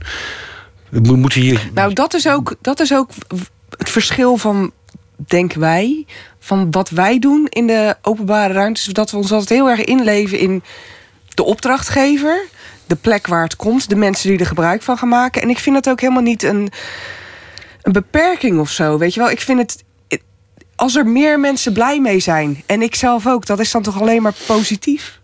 Ik heb In hele, plaats van hele dat nuttige je- informatie In soms. plaats van dat je je eigen zielenroersel op een sokkel zet... en iedereen denkt, waar gaat dit over? Van mijn belastingcenten, want dat komt er dan onmiddellijk achteraan. Ja, ik heb daar dan, dat begrijp ik dan af en toe ook nog wel. Weet je, als er weer ergens zo'n betonblok op een rotonde staat... en dat heeft dan een... eh, Ja, maar dat is uit een andere periode. Dat, Ja. dat, dat, dat ging het alleen maar over de, de, de zelfexpressie van de kunstenaar. En de autonomie. En eh, dat is belangrijk. En dat eigenlijk gewoon scheidt aan, eh, aan de mensen die ermee opgezadeld werden. Ja. En dat heeft de kunst in algemeen eigenlijk een hele Geen slechte naam bezorgd. Nee. Dat is ook weer zoiets waar, waar wij dan mee te maken hebben. En, en, en dan eigenlijk tegen moeten vechten om, om het tegendeel te bewijzen. Arno Koenen en Iris Roskam, dankjewel dat jullie er waren. Jezus, is het alweer voorbij? Het is alweer voorbij. Na het nieuws gaat eh, Nooit meer slapen nog een uur door. En dan leest Jolanda Ensius bijvoorbeeld een kort verhaal. We gaan het hebben over de biografie van Ted Hughes. Met een reactie van Connie Palme. En historicus Maarten van Rossum reageert op een andere biografie, die van Richard Nixon. Dat allemaal en meer straks na het nieuws van 1 uur.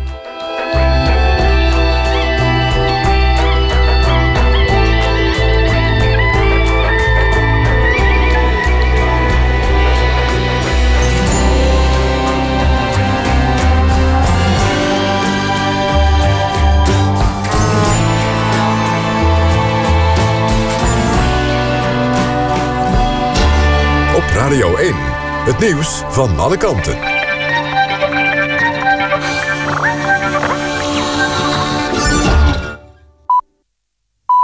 1 uur, die ook het eerst met het NOS-journaal. De pensioenfondsen hebben een paar slechte maanden achter de rug. Daardoor zullen de pensioenen voorlopig niet meestijgen met de lonen en de prijzen. De fondsen hebben het moeilijk door de lage rente. Ook de onrust over de Chinese economie speelt mee. Daardoor zijn de aandelen van de fondsen minder waard geworden. Ondanks het slechte kwartaal hoeft er voorlopig niet op de uitkering te worden gekort. Maar naar verwachting gaan de premies die mensen moeten betalen volgend jaar wel omhoog. Het kabinet wil de straffen voor mensensmokkel verhogen. Dat zeggen bronnen in Den Haag. De komende dag wordt een voorstel daarover besproken in de ministerraad. De maximumstraf voor mensensmokkel gaat omhoog van vier naar zes jaar. Het kabinet wil de smokkelaars die nu misbruik maken van de toenemende stroom vluchtelingen daarmee afschrikken.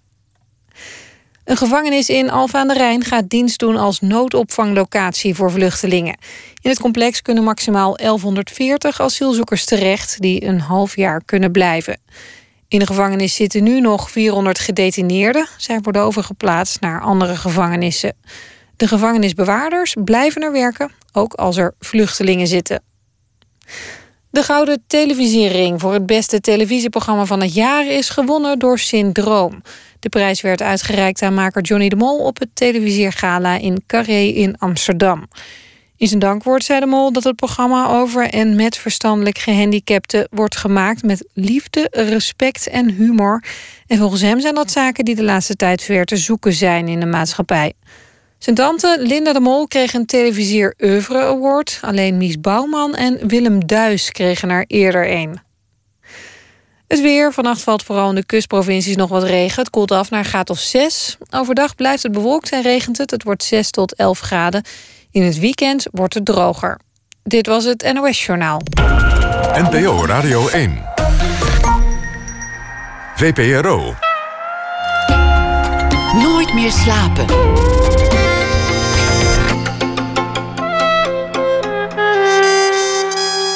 Met Esther Naomi Perquin. Welkom terug bij Nooit meer slapen. Twee biografieën waar veel om te doen is. Na ene reageert schrijfster Connie Palme op de ophef rond de biografie van Ted Hughes, de Engelse dichter die zij een stem geeft in haar nieuwe roman Jij zegt het. En met historicus Maarten van Rossum praten we datzelfde uur over de onthullende biografie van de voormalige Amerikaanse president Richard Nixon. Verder ook aandacht voor Hoe mooi alles. Een voorstelling over dichter en bioloog Leo Vrooman en zijn vrouw en muze Tineke. Maar we beginnen dit uur met een schrijver of dichter die reflecteert op het nieuws van vandaag. En deze week doen we dat met Jolanda Entius. Ze heeft geacteerd, films geregisseerd en scenario's geschreven. En van haar verschenen romans als Rakelings, Alleen voor Helden en De Gelukkigen. Jolanda, goedenacht. Goedenacht, Esther. Hi. Hoe heb jij de dag ervaren? Ehm, ik heb me wat minder gefocust op het nieuws vandaag dan gisteren bijvoorbeeld. En toevallig, ik hoor het net, ik heb eh, eh, gelezen in de roman van Mirjam van Hengel over de liefde tussen Leo Vrooman en zijn Tineke. En dat is een ongelooflijk mooi boek en ik hoor dat jullie daar straks over gaan praten. Dus ik blijf even eh, luisteren, denk ik, om te horen over de voorstelling. Dat zou ik zeker doen. Het is een mooi boek Ja. en het was ook ja, een, prachtig, ja. een mooie liefde. Ja, zeker. Ik, zit, ik heb in, in één dag er, er 220 weggekauwd. En moeiteloos, kan ik je vertellen. Pagina's dus, ja. Ja, nou dat is, dat is alvast, eh, eh, lijkt mij, een hele goede dagbesteding. Ja, ja. Heb je verder ook tijd gehad om ehm, de, actualiteiten te overdenken? Ja, wel, jawel. En ik viel op een, eh, een, een bericht over dat in de, in de, bij Volkswagen er toch alweer meer dan twintig mensen vermoedelijk wisten van wat er aan de hand was met die, met die software, zoals dat heet. En eh, daar ben ik een beetje op doorgegaan. Want ik had ook de dag ervoor alweer iets gelezen... wat mij, wat, wat mij nogal tegen het borst uh, stuitte. En een week daarvoor had ik ook alweer. En toen dacht ik, nou kom, ik ga, er, ik ga toch daar maar op in. En uh, nou, daar, daar, uh, daar, daar gaat het over gaan. We gaan met alle Volkswagen-bezitters en andere autorijders nu naar je luisteren. Ja, dieselrijders, pas op. Um, software en dreigverzoeken. Door de vluchtelingen welkom te heten zou Merkel een run op Duitsland hebben ontketend. Maar het tegenovergestelde is ook waar. Zoals je een bankrun creëert, als je zegt dat de banken dreigen om te vallen... zo roep je een run af op je grenzen als je dreigt ze dicht te gooien. Snel, nu het nog kan. Woorden doen niets, al doen ze lang niet altijd wat ze beogen. Vorige week zondag liet de directeur van Volkswagen weten er alles aan te zullen doen... het vertrouwen van de cliënt terug te winnen. Had hij nou gezegd dat hij er spijt van had dat zijn wagenpark onze lucht onnodig had vergiftigd... en er alles aan zou doen om zijn auto's schoner te laten rijden... dan had hij nog een kans gemaakt. Maar nee, het was en is hem louter om mijn vertrouwen te doen... en dat wekt geen vertrouwen, zelfs niet op zondag. Kon hij opnieuw mijn vertrouwen met gesjoemel winnen, dan zou hij dat niet nalaten. Hij heeft er immers alles voor over. Het is de ontmaskering die hem dwars zit, niet het bedonderen zelf. Hij wekt met zijn mea culpa net zoveel vertrouwen als een draaideurcrimineel. Deze week vragen de autofabrikanten om uitstel van eerlijkheid. Moderne diesels zouden, als ze nu al moeten slagen voor een echte stikstofoxidetest, zo duur worden dat ze zouden moeten stoppen met de productie. En dat gaat banen kosten. En zo wordt de vraag van de autofabrikant een beetje een eis of dreigement.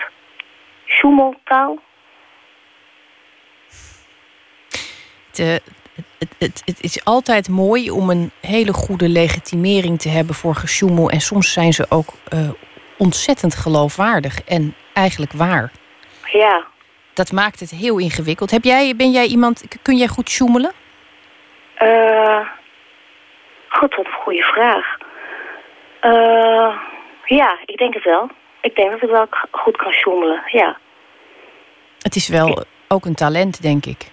Als je het Ja, maar als je nou zo hoog zit op plekken waar toch echt hele belangrijke dingen gebeuren en beslissingen worden genomen, moet je misschien heel voorzichtig zijn. Of je, ik denk dat je toch heel erg just bij jezelf te raden moet blijven gaan. Klopt dit wat ik doe? Ik vind dat echt wel. Ik vind het wel ontluisterend hoor, dat, dat je jarenlang auto's verkoopt. Juist op het uh, op het credo dat ze zo uh, goed zijn voor het milieu. En dat het tegenovergestelde eigenlijk aan de hand is. Vind je niet? Ja, dat vind ik ook. En ik, ik denk dat, het, dat je de tragiek nu heel mooi samenvat ook uh, door wat je zegt. Omdat juist de mensen die op plekken zitten waar, waar hele belangrijke beslissingen worden genomen, zijn vaak ook de mensen die langzaam verleerd zijn zichzelf af te vragen: is het goed wat ik doe? Omdat iedereen altijd zegt, je bent belangrijk, je bent indrukwekkend, je bent machtig. Ja, dan zou je die vraag misschien niet meer stellen. Ik denk, ik, denk dat je, ik denk dat je gelijk hebt en daarom is het misschien goed om daar toch maar weer... Ja, god, wat klinkt het allemaal belerend weer, maar om daar een appel op te doen. Nou ja, je probeert, we proberen toch allemaal dat het wat beter wordt. En dan denk je, god, zo leuk, zo'n Volkswagen die zijn best doet. En dat is dus niet zo. Dat is het is, het is echt moeilijk om daar niet cynisch van te worden, vind ik. En uh, dat, uh, nou ja, en dan, dan blijkt dat er weer twintig andere mensen daar ook van weten. Dus iedereen, iedereen gaat daarin mee. Uh, nou, ik heb helemaal geen zin om cynisch te zijn. Ik, uh, ik heb een stukje geschreven en uh, ik las ook dat het ABP groen gingen beleggen. Laat ik hopen dat ze dat echt ook uit hele oprechte uh, motieven doen. Nou, dat, dat lijkt me een goede afsluiting. Uh, cynisme is in dit geval inderdaad uh, uh, collateral damage, zullen we maar even zeggen. Ja, dat heeft ook geen zin, ja. Ik hou me er altijd aan vast dat er nog steeds machinisten zijn... die tegen alle regels van de NS instoppen... omdat er een schaapje op de rails staat. Nou, dat vind ik heel erg mooi. Dat vind ik ook goed. Dat moet je doen. En, dan, en, en, ook als het, als het spitsuur is. Vind je niet? Zo is dat. Ja. Jolanda Entius, dank je wel voor je bijdrage tot zover. En, Graag gedaan. En een hele goede nacht voor nu. Jullie ook. Dag. Dag. Afgelopen week stond de Deense band Saibia op een uitverkocht Nederlands podium. Het nieuwe album van Saibia heet No Sound from the Outside. En daarvan draaien wij Down.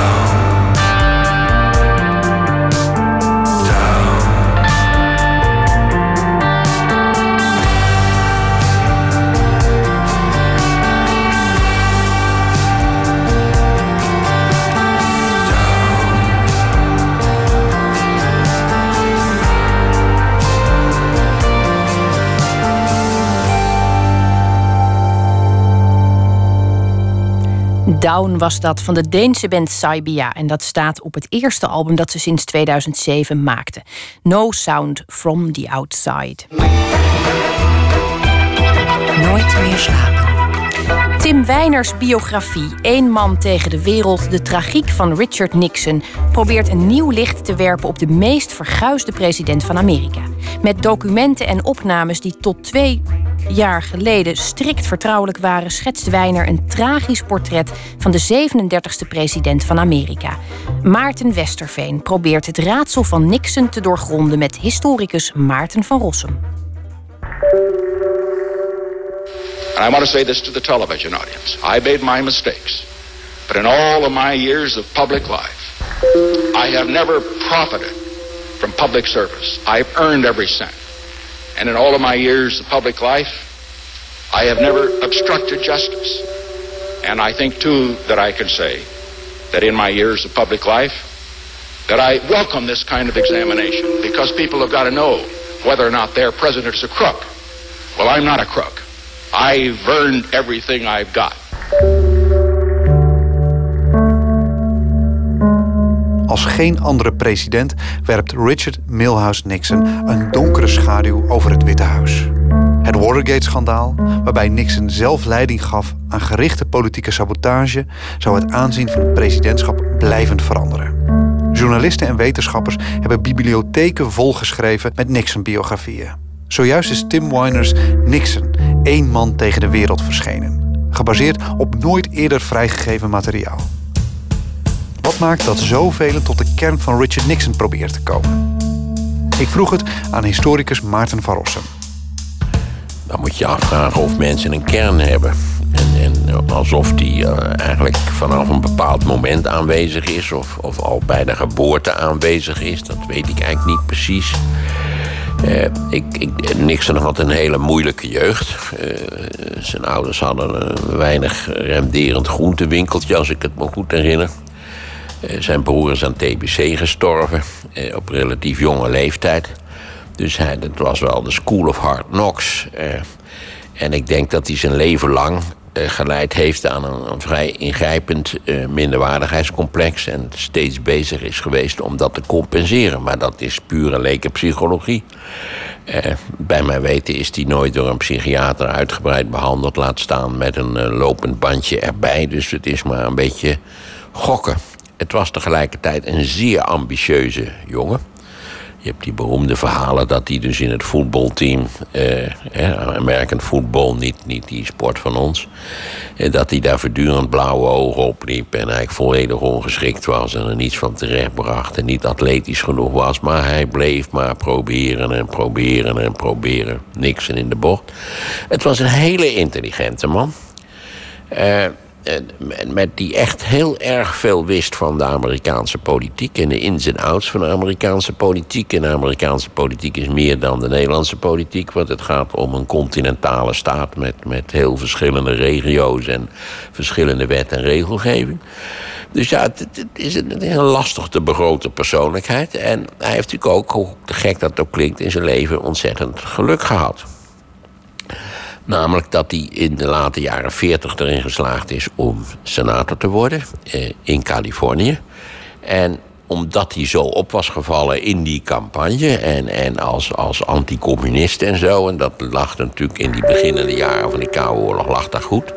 heeft eh, Eisenhower hem eh, kandidaat voor het vicepresidentschap gemaakt. Think about it. Who is the one man who has the experience and the qualifications to lead America in these troubled, dangerous times? Nixon's the one. Na het vicepresidentschap verloor Richard Nixon in 1960 nipt van John F. Kennedy. Om uiteindelijk in 1968 alsnog de verkiezingen te winnen. Maar in 1972, tijdens zijn herverkiezingscampagne, werd duidelijk dat Nixon persoonlijk verantwoordelijk was voor de politieke sabotage van zijn tegenstanders. Watergate, het grootste politieke schandaal uit de Amerikaanse geschiedenis, was geboren. Dat is een wonderlijk aspect van de Amerikaanse politiek. Het is een van de meest dysfunctionele politieke systemen ter wereld. Wat wonderlijk is natuurlijk in zo'n rijk en, en op zichzelf hoog ontwikkeld land. Maar qua theater is het, is het van het absolute topniveau. Dat waren die hearings toen, dat was die zogenaamde impeachment van Bill Clinton. Het, De hele Monica Lewinsky-affaire. Het, het, waren schitterende scènes. Die, je hoeft helemaal geen toneel te schrijven. Je kunt gewoon lok, stok en barrel... kun je het opvoeren, bij wijze van spreken. Ja, in 1973, ik was, nee, in 74 was dat. Ik was namelijk in Amerika. Dat, ja, ik was daar voor onderzoek in, in, in Madison, Wisconsin. En al vrij snel had ik door dat in het eh, studentenhome, weet ik hoe je dat moet noemen... ja, daar zo'n zo'n studie- zo'n centrum waar je dan s'avonds goedkoop kon eten. En daar, werd, daar werd die hele zaak op de televisie uitgezonden. En er zaten honderden studenten zaten daar de hele dag naar te kijken. En elke keer als er iets, iets heel negatiefs over Nixon werd gezegd... dan ging er een enorm gejuich op in die hal... Waar, waar die honderden studenten bij elkaar Dus ik heb eh, eerlijk gezegd heb ik wel deels mijn onderzoekstaken... heb ik deels verwaarloosd om, om daarbij te zijn. En... Ik heb, eh, toen ik daarmee klaar was, heb ik een grote autorit gemaakt door de Verenigde Staten. En zeker in de, in de legere staten. Ja, als je daar benzine tankt, zijn we vrij snel door dat je een vreemdeling bent. En al die lui zeiden ja, van, wat vindt u daar nou van? En, en, en eh, wat, wat denken ze nou in Europa? En vindt u het niet negatief? En hoe zou dat nou komen? En nou ja, het- dus die hele impeachment, die hearings en die impeachment procedure, dat leefde heel sterk, ja. Good evening. President Nixon reportedly will announce his resignation tonight, and Vice President Ford will become the nation's 38th president tomorrow.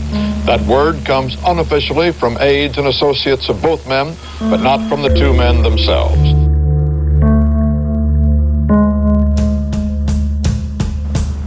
Ik denk dat Nixon, ook toen hij president was, altijd geleden heeft aan dat minderwaardigheidscomplex.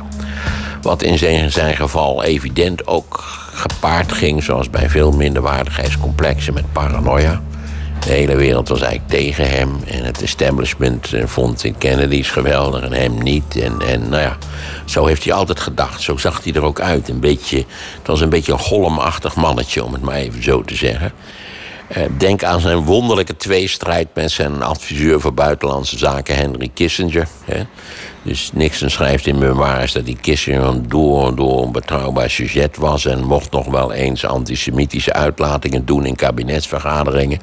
En Kissinger schrijft dat, dat, Nick, dat het maar goed is dat hij daar zat... want dat die Nixon een volstrekt onbetrouwbare gek was op sommige punten... in zijn presidentiële carrière. Dus daar was al een hele gekke spanning. Was ook een... Het, weekblad Time kiest altijd een Man of the Year... Nu leest geloof niemand meer dat blad, maar goed, eh, toen was dat een veelgelezen blad. En, en Time had Kissinger tot Man of the Year gekozen. Nou, Nixon was echt pissig zoals hij zelden geweest is. Dat was toch wel schandelijk dat niet hij, maar Kissinger Man of the Year was geworden. Dus dat, dat complex heeft er denk ik altijd ingezeten. En dat verklaart denk ik deels zijn angst natuurlijk om te verliezen in 72. Dat, dat, establishment hem, hem, de poten zou breken. Dat, dat idee. Hij zag zichzelf altijd als een outsider. Als, als iemand die, die, die, met enorm veel moeite in de noordwand van de Eiger... die aan zijn blote poten omhoog was geklommen en daar nu stond. Maar het liefste wou, wou het establishment hem er weer afdonderen. Daar kwam het eigenlijk op neer. Het aardige van Nixon is wel... eh, Was het iemand met een slecht karakter? Ja, dat denk ik wel. In de zin dat zijn karakter eh, niet goed strookte met het soort van verantwoordelijkheden wat hij had te dragen. Je zou kunnen zeggen, slecht. Lyndon Johnson was ook een, een schurk van de bovenste plankwerk in politiek opzicht. Eh, Nixon zal toch wel in de hemel zijn gekomen. Ik denk dat de Heer over zijn hart heeft gestreken. En gewoon een zielenpoot. We stoppen hem er maar in. In een wat lagere verdieping misschien.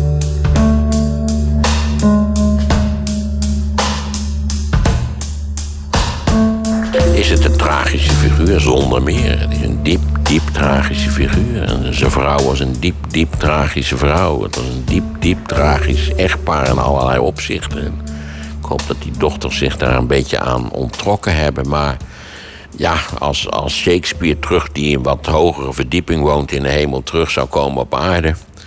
Dan, dan kan hij moeiteloos een tweede Macbeth schrijven... waarin Nixon in feite figureert. Ook dat je ook zelfs zijn uitspraken kunnen gewoon letterlijk overgenomen worden. En je ziet de slotscène al. En, goed, Macbeth, zijn vrouw, die pleegt zelfmoord. Dat, dat, dat kan er wel even dramatisch ingewerkt worden. Ja, het is een, het is een Shakespeareaanse tragedie, zonder meer. Nou, je hebt die meesterlijke eh, slottekst van Macbeth. Over dat je overal met een enorm lawaai, maar dat eigenlijk niemand weet wat er gaande is. En dat het misschien wel helemaal geen betekenis heeft. Macbeth is een meesterlijk stuk.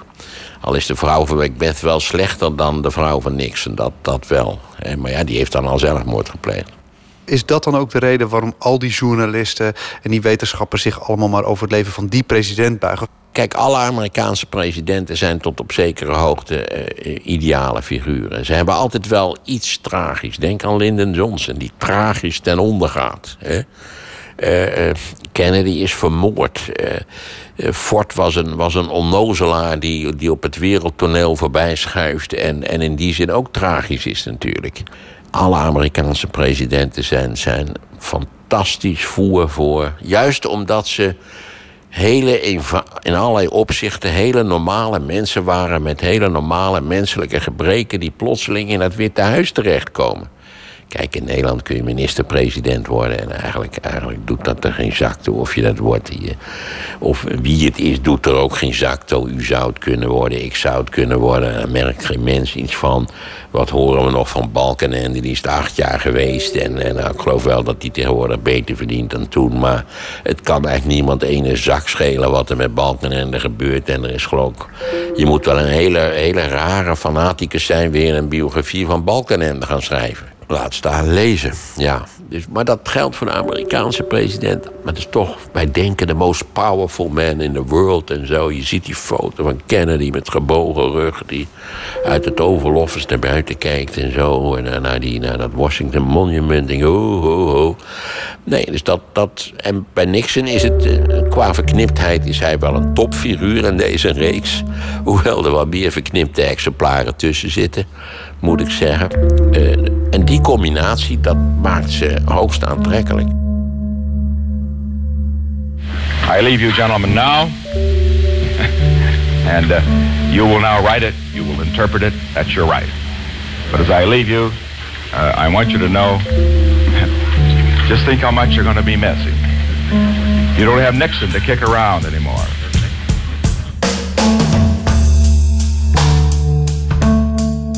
U hoorde historicus Maarten van Rossum over president Richard Nixon.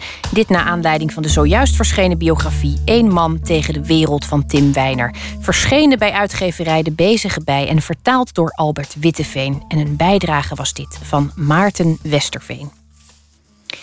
In 1964 bracht McKinley Morganfield, beter bekend als Muddy Waters, zijn vierde LP uit, De Folksinger, met daarop alleen maar akoestische blues. Hij werd begeleid door grote namen als Buddy Guy, Otis Spann en Willie Dixon. Een van de nummers die daarop stonden was My Home is in the Delta.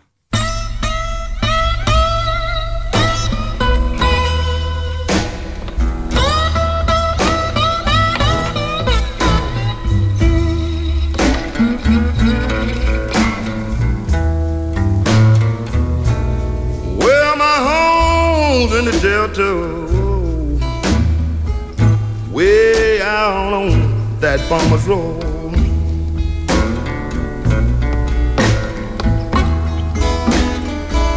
Now you know I'm leaving Chicago, and people I sure do hate to go.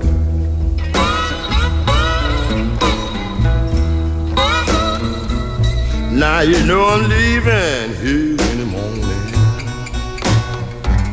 Won't be back no more.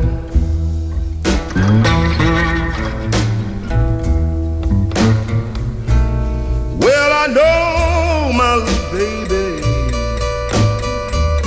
This girl don't know what a shape I'm in.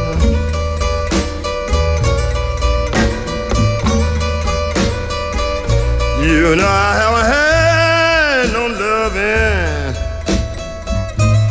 Boys, you know, and God knows when.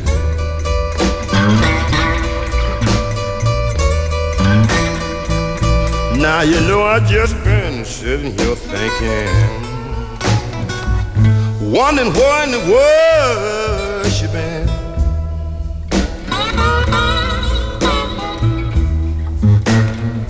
Look out.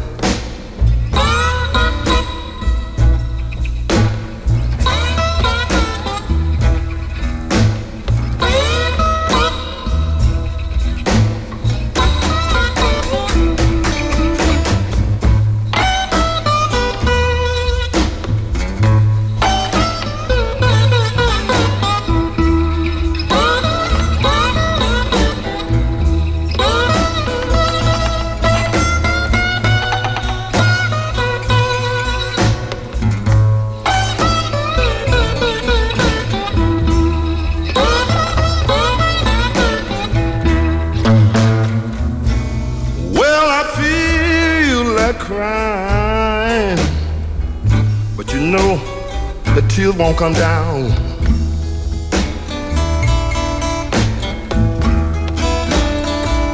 I feel like crying, but you know the tears won't come down.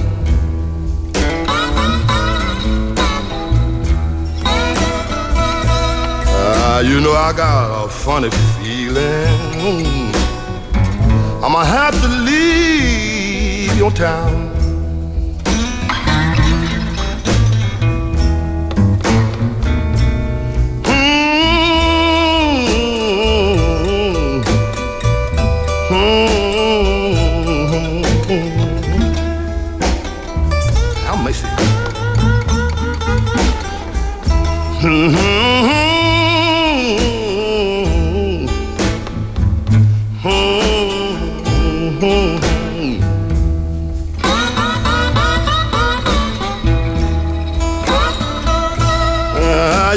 just been sitting here thinking, wondering where in the world she been.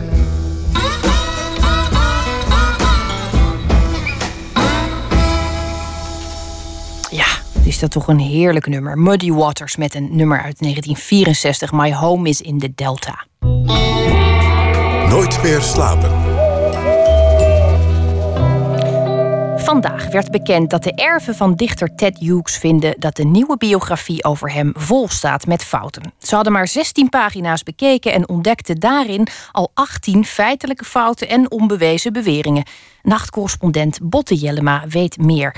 Botte, over wat voor fouten hebben we het eigenlijk in dat eh, geval? Nou, het gaat eigenlijk over best wel wat gevoelige zaken. Zoals eh, of de weduwe van Hughes op het laatst van zijn leven bij hem is gebleven. Eh, of bijvoorbeeld hoe er met zijn dode lichaam is omgegaan. En over hoe de begrafenis was.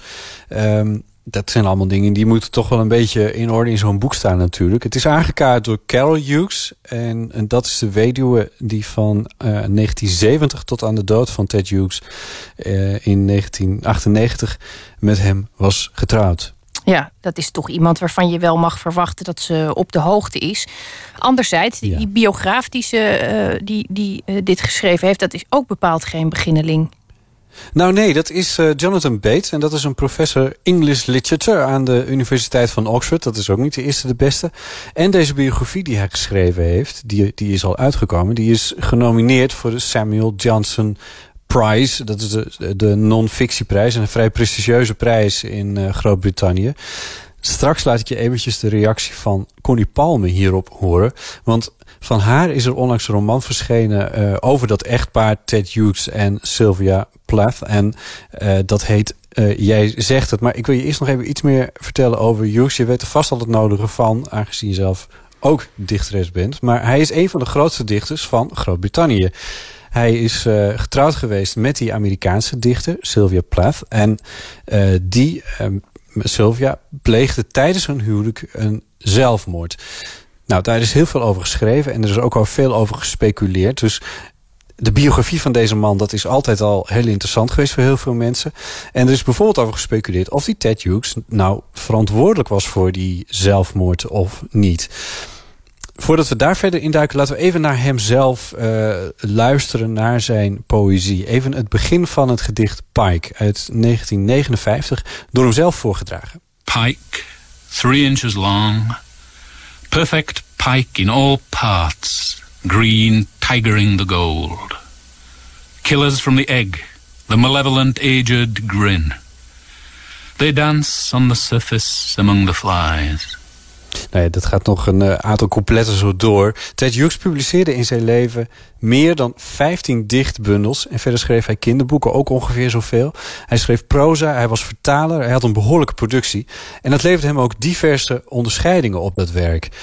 Privé heeft hij het flink voor de kiezer gekregen. We hadden het net al even over Sylvia Plath, waar hij mee trouwde. Die ging onder depressies gebukt. En toen Hughes een affaire kreeg tijdens uh, dat huwelijk... Toen pleegde Duplath uh, zelfmoord. En tot overmaat van ramp pleegde de vrouw waar Hughes dus een affaire mee had... diezelfde vrouw die pleegde enkele jaren later... op dezelfde wijze als Duplath had gedaan, zelfmoord. Waarbij die ook nog eens een keer hun jonge dochter meenam de dood in. Nou ja, dat is allemaal een verschrikkelijk verhaal. Het wordt nog erger. De zoon uit het eerste huwelijk van, eh, van Hughes... die heeft ook zelfmoord gepleegd. Maar dat was al na Hughes' eigen dood. Al met al eh, lijkt me dat meer dan genoeg eh, duister en somber materiaal... om een biografie eh, te schrijven. Ja, en daar is nu dus nu eh, oneenigheid over, hoe het, allemaal, hoe het allemaal precies in elkaar heeft gezeten. Dat was al een tijdje aan de hand. In het, eh, een, jaar geleden of zo hadden de, de Erven van Hughes de samenwerking met de biograaf al opgezegd. Omdat ze, eh, zo stellen ze, geen proefversies meer kregen van uh, Beten. Dat is natuurlijk best wel belangrijk, want dan kun je de feiten checken. Ehm, het probleem dat met name aangekaart wordt uh, door de erven nu... is, de, is ja, uh, dat wat er is gebeurd rond zijn overlijden. Of de weduwe er op het laatst bij is geweest. Dat soort dingen. Ik vroeg het dus aan uh, Connie Palme... die in haar nieuwe roman Ted Hughes een stem geeft... om daar eens op te reageren. Het waren buitengewoon grievende uh, passages zijn geweest om te lezen... dat er gesuggereerd wordt dat zij er niet was. Ja. Uh, een tweede passage waar ze tegen protesteerde... is dat de biograaf zegt dat ze met het dode lichaam... dat ze het vervoeren naar Devon, naar hun huis. En dat ze onderweg stoppen om uitgebreid te gaan lunchen. Ook daarvan kan ik me voorstellen dat dat als dat niet waar is, dat je denkt, waar houdt hij het in godsnaam vandaan dat ik met de lijkauto ben en dat is toch al ben gestopt om te gaan lunchen. Ja, nou, Connie Palmer vindt het ook heel kwalijk dat er in de geschiedenis van uh, Hughes uh, hij als schuldige aangewezen is voor een zelfmoord. Dat vindt ze in algemeenheid gewoon niet kunnen. Uh, en daarom moet ze ook niet zo heel veel hebben van uh, die beschuldigingen aan het adres van Hughes, die er zoveel zijn geweest. En daarom vindt ze dus ook een goede zaak dat de erven van Hughes zich nu verdedigen als er fouten staan in die biografie. Uh, op deze oude beschuldigingen is Hughes zelf nooit ingegaan. Ted Hughes heeft eigenlijk nergens omheen gedraaid. Hij heeft dood eenvoudig gezwegen. Hij is niet ingegaan op alle suggesties en op alle uh, kwaad dat hem werd aangesmeerd, of alle zwartmakerij in, in de biografie heeft gezwegen. Mm. Um, wat zo goed recht was en wat eigenlijk ook heel begrijpelijk was. Want om je te gaan verdedigen als je zwart gemaakt wordt, je, je begrijpt duidelijk dat dat geen enkele zin heeft. Wat ik er het meest abject aan vind, is dat ik van geen enkele zelfmoord van Sylvia Plath en die van SCL Welfare minderheid die ook zelfmoord heeft gepleegd. Of van welke zelfmoord dan ook uh, een, een schuldige moet aanwijzen. Het is een duidelijk pleidooi dus om die oude kwestie uh, rondom de dood van Sylvia Plath te laten rusten. Maar dit gaat ook over iets anders.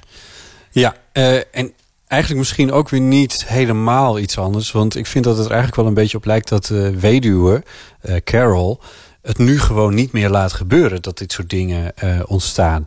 En daarom is zij misschien wel in de pen geklommen om bij haar man recht te doen. Want hij had al geen eenvoudig leven.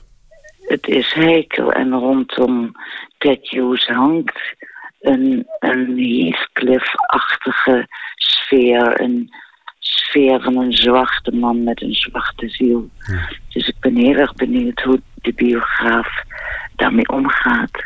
Er zijn ook tegenverhalen natuurlijk. Als je de memoirs leest van zijn vrienden... Uh, of, of, van zijn vriend, vriend collega Siemens Eni...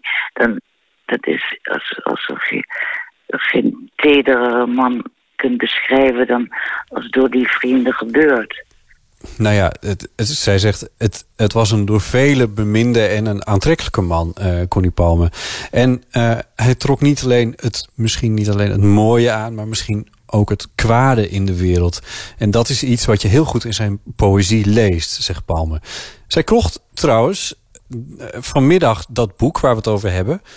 En ze kreeg, vertelde ze mij, kippenvel toen ze het opensloeg. Want tot haar stomme verbazing gebruikt de biograaf van dat boek hetzelfde motto als zij in haar boek gebruikt. Uh, dat boek dat heet Jij zegt het. Uh, en nog iets anders is dat het ook nog eens een keer exact hetzelfde eindigt. Dus ik zit hier eerlijk gezegd met een beetje kippenvel met die 600 pagina's voor me. Misschien moet u ook een boze brief schrijven over plagiaat. Nou, dat, ja, dat kan, ja, dat zou wel kunnen, omdat uh, Jonathan Beet Nederlands leest. Maar ik ga ervan uit dat dat niet het geval is. Maar dat zijn gewoon griezelige dingen. Het zijn en, uh, toevalligheden. En je ziet dat in de biografie, dat doet de romancier ook al in zijn romans, probeert iedereen het toeval weg te werken. Terwijl toeval bestaat. Toeval bestaat. Ja, Botte, wat ik me afvraag uh, aan de hand hiervan... heeft de biograaf al gereageerd op deze aantijgingen? Want het, het, het zijn toch nogal wat uh, beschuldigingen die hier worden geuit... ook aan zijn adres. Al dan ja, niet terecht. zeker. Ja, ja, ja, en die boeken die liggen er al. Um, nou, hij heeft er zelf niet gereageerd, maar de uitgeverij wel. Dat is uh, Harper Collins. En die zegt van, nou ja, we staan helemaal achter het boek... en de manier waarop het is uh, geschreven. Um, en ze zeggen van, ja, de, de auteur heeft echt elke mogelijke uh, inspanning geleverd... die nodig was om echt zo feitelijk mogelijk alles in het boek te krijgen. Dus ja, ze staan eigenlijk lijnrecht tegenover elkaar... En wel zeggen ze van, nou ja, als, als er kleine uh, foutjes in staan... Ik bedoel, het is een boek van meer dan 600 pagina's. Het, het, is bijna onmogelijk om dat, zou je zeggen... om dat echt helemaal foutloos uh, te krijgen. Ja, dan uh, zegt hij van, nou ja, dat, dat, dat, is, dat, zou, dat is dan spijtig en daar zou dan bijvoorbeeld in een tweede druk zou je daar dan wat aan kunnen veranderen. Maar het is natuurlijk al in een heel vroeg stadium is hier iets heel erg misgegaan. Dat ze niet meer met elkaar praten. Ja, ik ben toch een uh, voorstander van het uh, streven naar zo, zo, zo min mogelijk verwarring omtrent dit soort onderwerpen. Die man heeft het tenslotte al zo zwaar voor de kiezer gehad. Ik herinner me dat in dichterskringen heel vaak de anekdote werd verteld dat hij uh, op een feestje een ladykiller werd genoemd door iemand en hem toen prompt neersloeg. dat tekent misschien een beetje de, de, de, de, ja, de tragiek, de beschuldigingen. Ja, nou ja, als je het lang genoeg naar je hoofd geslingerd krijgt... dan kan ik me voorstellen dat je er op een gegeven moment ook echt wel... dat je het wel zat bent. En dat je iemand die je dan zo noemt... ja, dat je daar eh, dan ook wel op wil reageren. Maar zoals Connie Palme zei... probeer naar buiten toe, in publiek... probeer je dus eigenlijk het zwijgen toe te doen. Ja, en dat valt natuurlijk ook wel eens verkeerd... als je helemaal je mond houdt ik denk dat het, uh, dat het tijd is om, uh, om, om de onderste steen boven te krijgen. En misschien betekent dat wel dat er nog een biografie bij komt. Ja, het zou zomaar kunnen. Nou, over Plath is al heel veel geschreven. Dit schijnt pas de tweede biografie van... Uh, over Ted Hughes te zijn. Dus in die zin, ja, dat zou, nou ja, doe het maar eens. Maar er zou nog wat bij kunnen. Er is ruimte voor. Botte, dank je wel voor deze bijdrage. We gaan het op de voet volgen. Graag gedaan. Nooit meer slapen. Hoe mooi alles. Die woorden komen uit een gedicht van Leo Vrooman, de dichter en bioloog die twee jaar geleden overleed in Amerika. Hij woonde daar al heel lang, samen met zijn vrouw Tineke. Hun harmonieuze relatie hield bijna 80 jaar stand. Ondanks een vlucht voor de nazi's en een verblijf in een jappenkamp. Het werd allemaal beschreven door Mirjam van Hengel in haar boek Hoe mooi alles. En daar is nu een toneelbewerking van gemaakt. Verslaggever Jan-Paul de Bond sprak met acteur Kees Hulst over hoe hij gestalte geeft aan de rol van Leo Vrooman.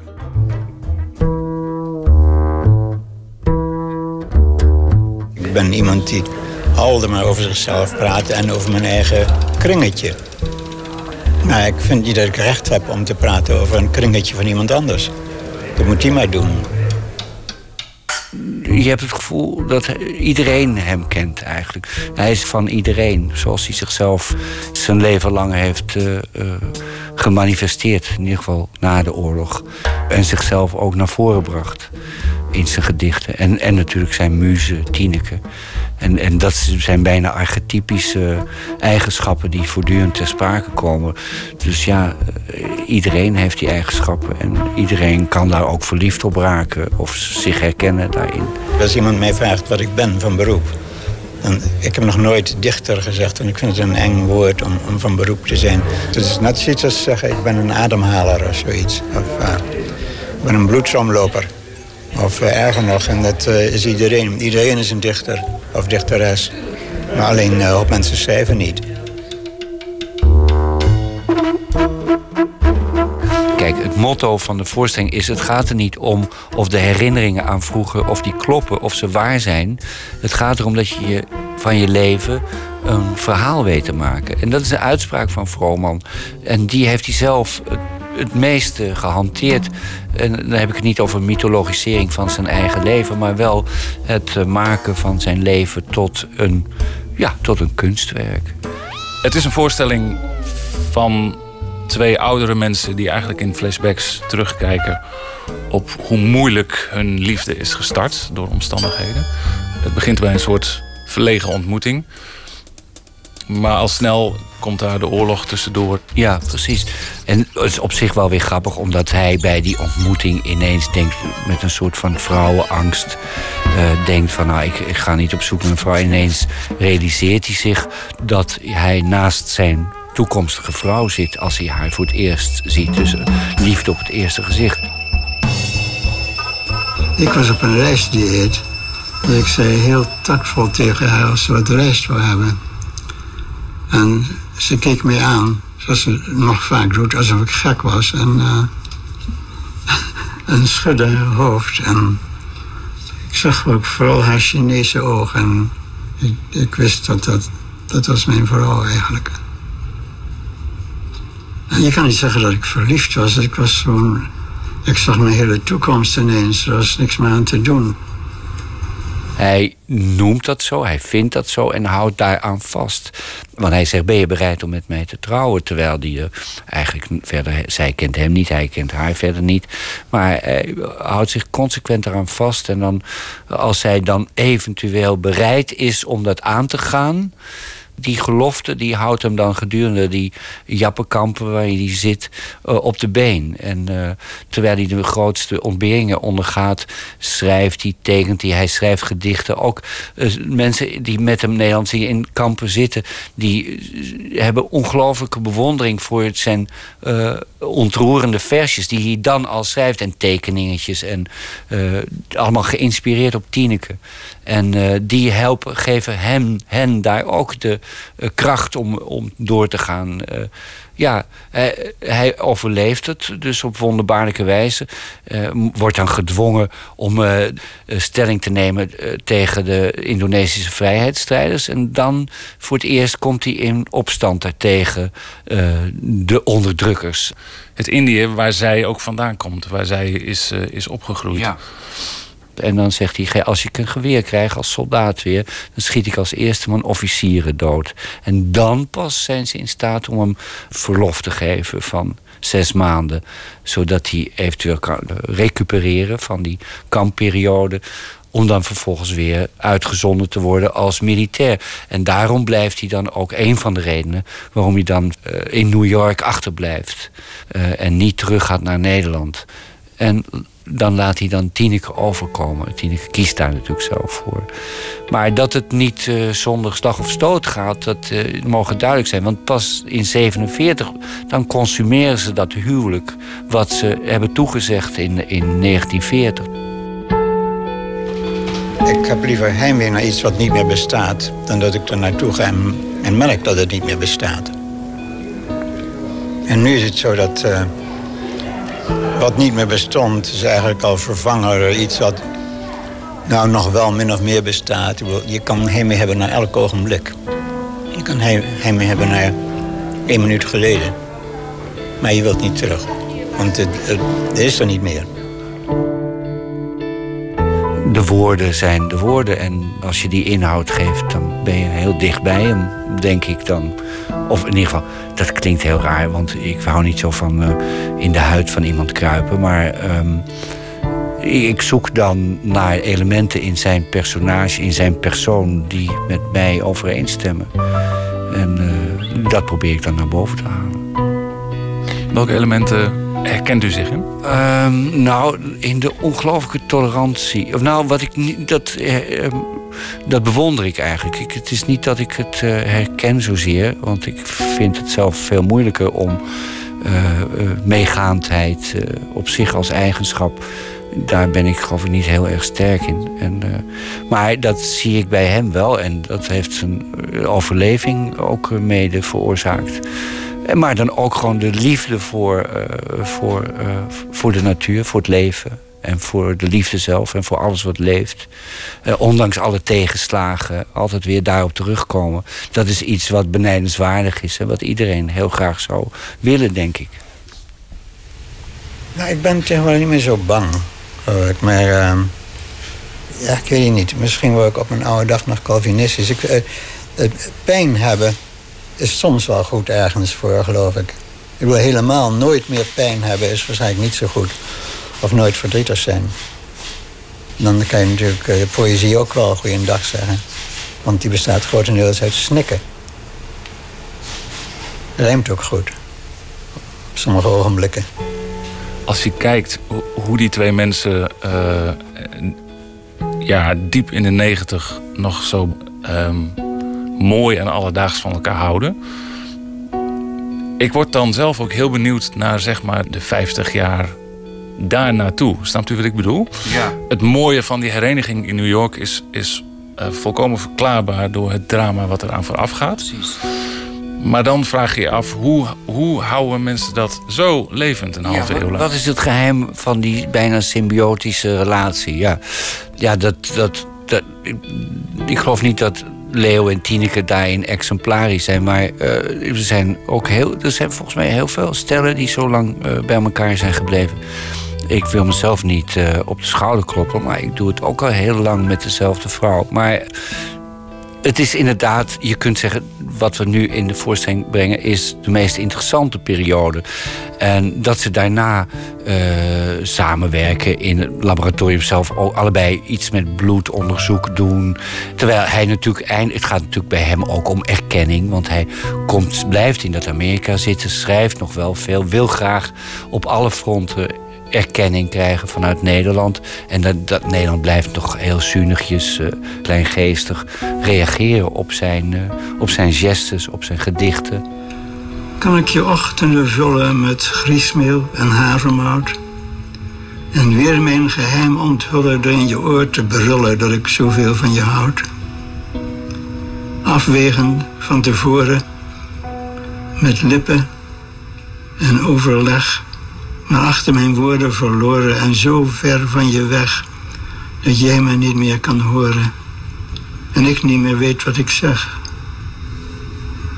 Nee, Laat het je niet verdrieten dat je soms iets ontgaat. Maar met hen die ons verlieten samen blijven genieten van een stilte die niet bestaat. Ik weet niet hoe het in andere zalen is, maar ik zag vanavond voornamelijk oudere mensen in de zaal. Eh, er zitten een aantal jongere mensen tussen, maar veel is toch 50 plus volgens mij. En ik dacht, is dat niet jammer? Is dat niet jammer voor, omdat het zo'n prachtig beeld geeft van hoe je, hoe je een liefde begint en in stand houdt? Nou ja, jij zegt het en eh, ik ben het volkomen met je eens. Maar ik weet niet waarom er geen jongeren komen naar dit. De ouderen kennen meestal Vrooman wel. Het verbaast mij vaak ook nog dat er nog veel oudere generatie is dan, eh, dan ik zelf ben. Maar eh, dat- het is wel grappig dat er ook bepaalde gedichten die jullie natuurlijk hebben opgenomen in de voorstelling, worden ook een beetje meegefluisterd hier en daar in het publiek. Ja, er zijn heel veel mensen die bekend zijn met eh, het werk van Vrooman. En natuurlijk, de meeste mensen kennen... ehm kom vanavond met verhalen hoe de oorlog is verdwenen... en herhaal ze honderd malen, alle malen zal ik wenen.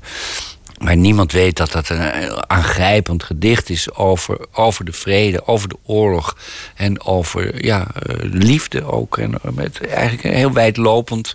En dat, dat hij ook allerlei surrealistische dingen heeft eh, geschreven. En het is een mer à boire voor iedereen. En, en het is niet alleen een verhaal over liefde, maar het, is ook, het geeft wel over troost, over hoe je ellende kunt overwinnen. Over, een, zoals Japanners, die, het, hij, het kostte hem moeite. Maar uiteindelijk heeft hij een manier gevonden om de wreedheid van de Japanners en in de oorlog, om die te verklaren als een, een menselijk verschijnsel. En daarmee de Japaner weer te, terug te brengen tot zijn mens zijn. En, en, en daarmee te kunnen accepteren dat dat ook een eigenschap is van mensen, die, die wreedheid. En dan het geluk dat, dat hij dat heeft overleefd allemaal. Maar het is die goddelijke nacht onder de druppelende sterrenwacht waar ik eigenlijk zo naar verlang. Mijn kille monddruk op je natte wang. Allebei zo weerloos naakt. Nu al 70 jaren later heeft mij nooit een druppel water meer zo gul en geil gesmaakt.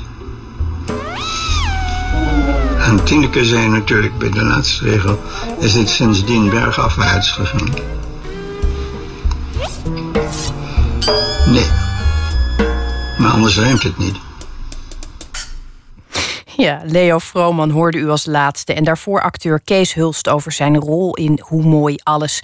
Esther Scheldwacht speelt daarin de rol van Tineke Vrooman. En de voorstelling is tot en met december in het hele land te zien. Een bijdrage was dit van Jan-Paul de Bond.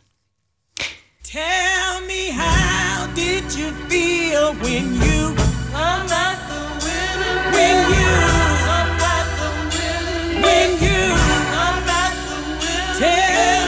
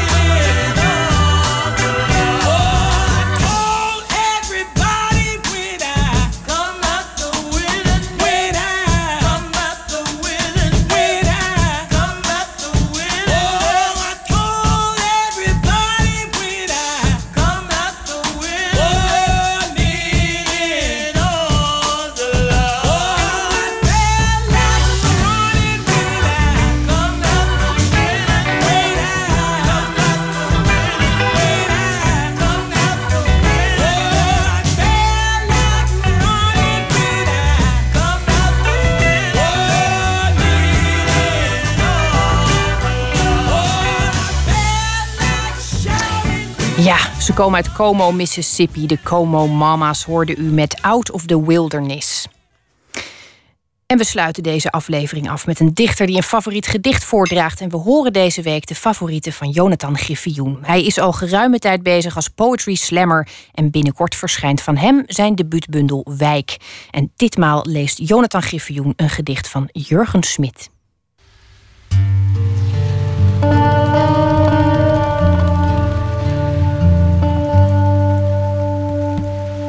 Het gedicht dat ik vanavond ga doen is van eh, Jurgen Smit.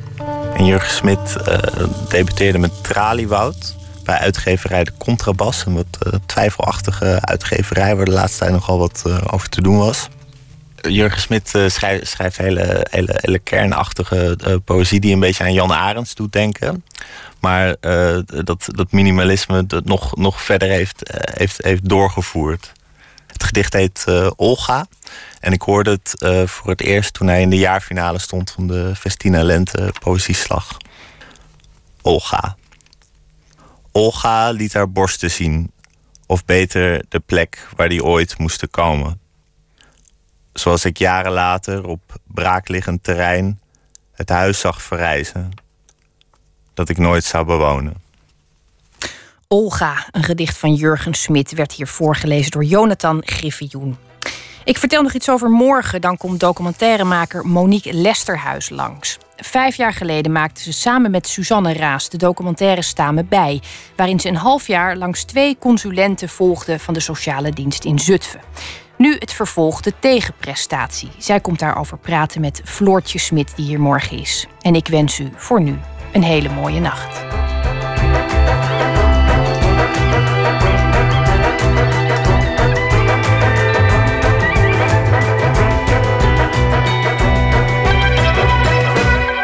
Op Radio 1, het nieuws van alle kanten.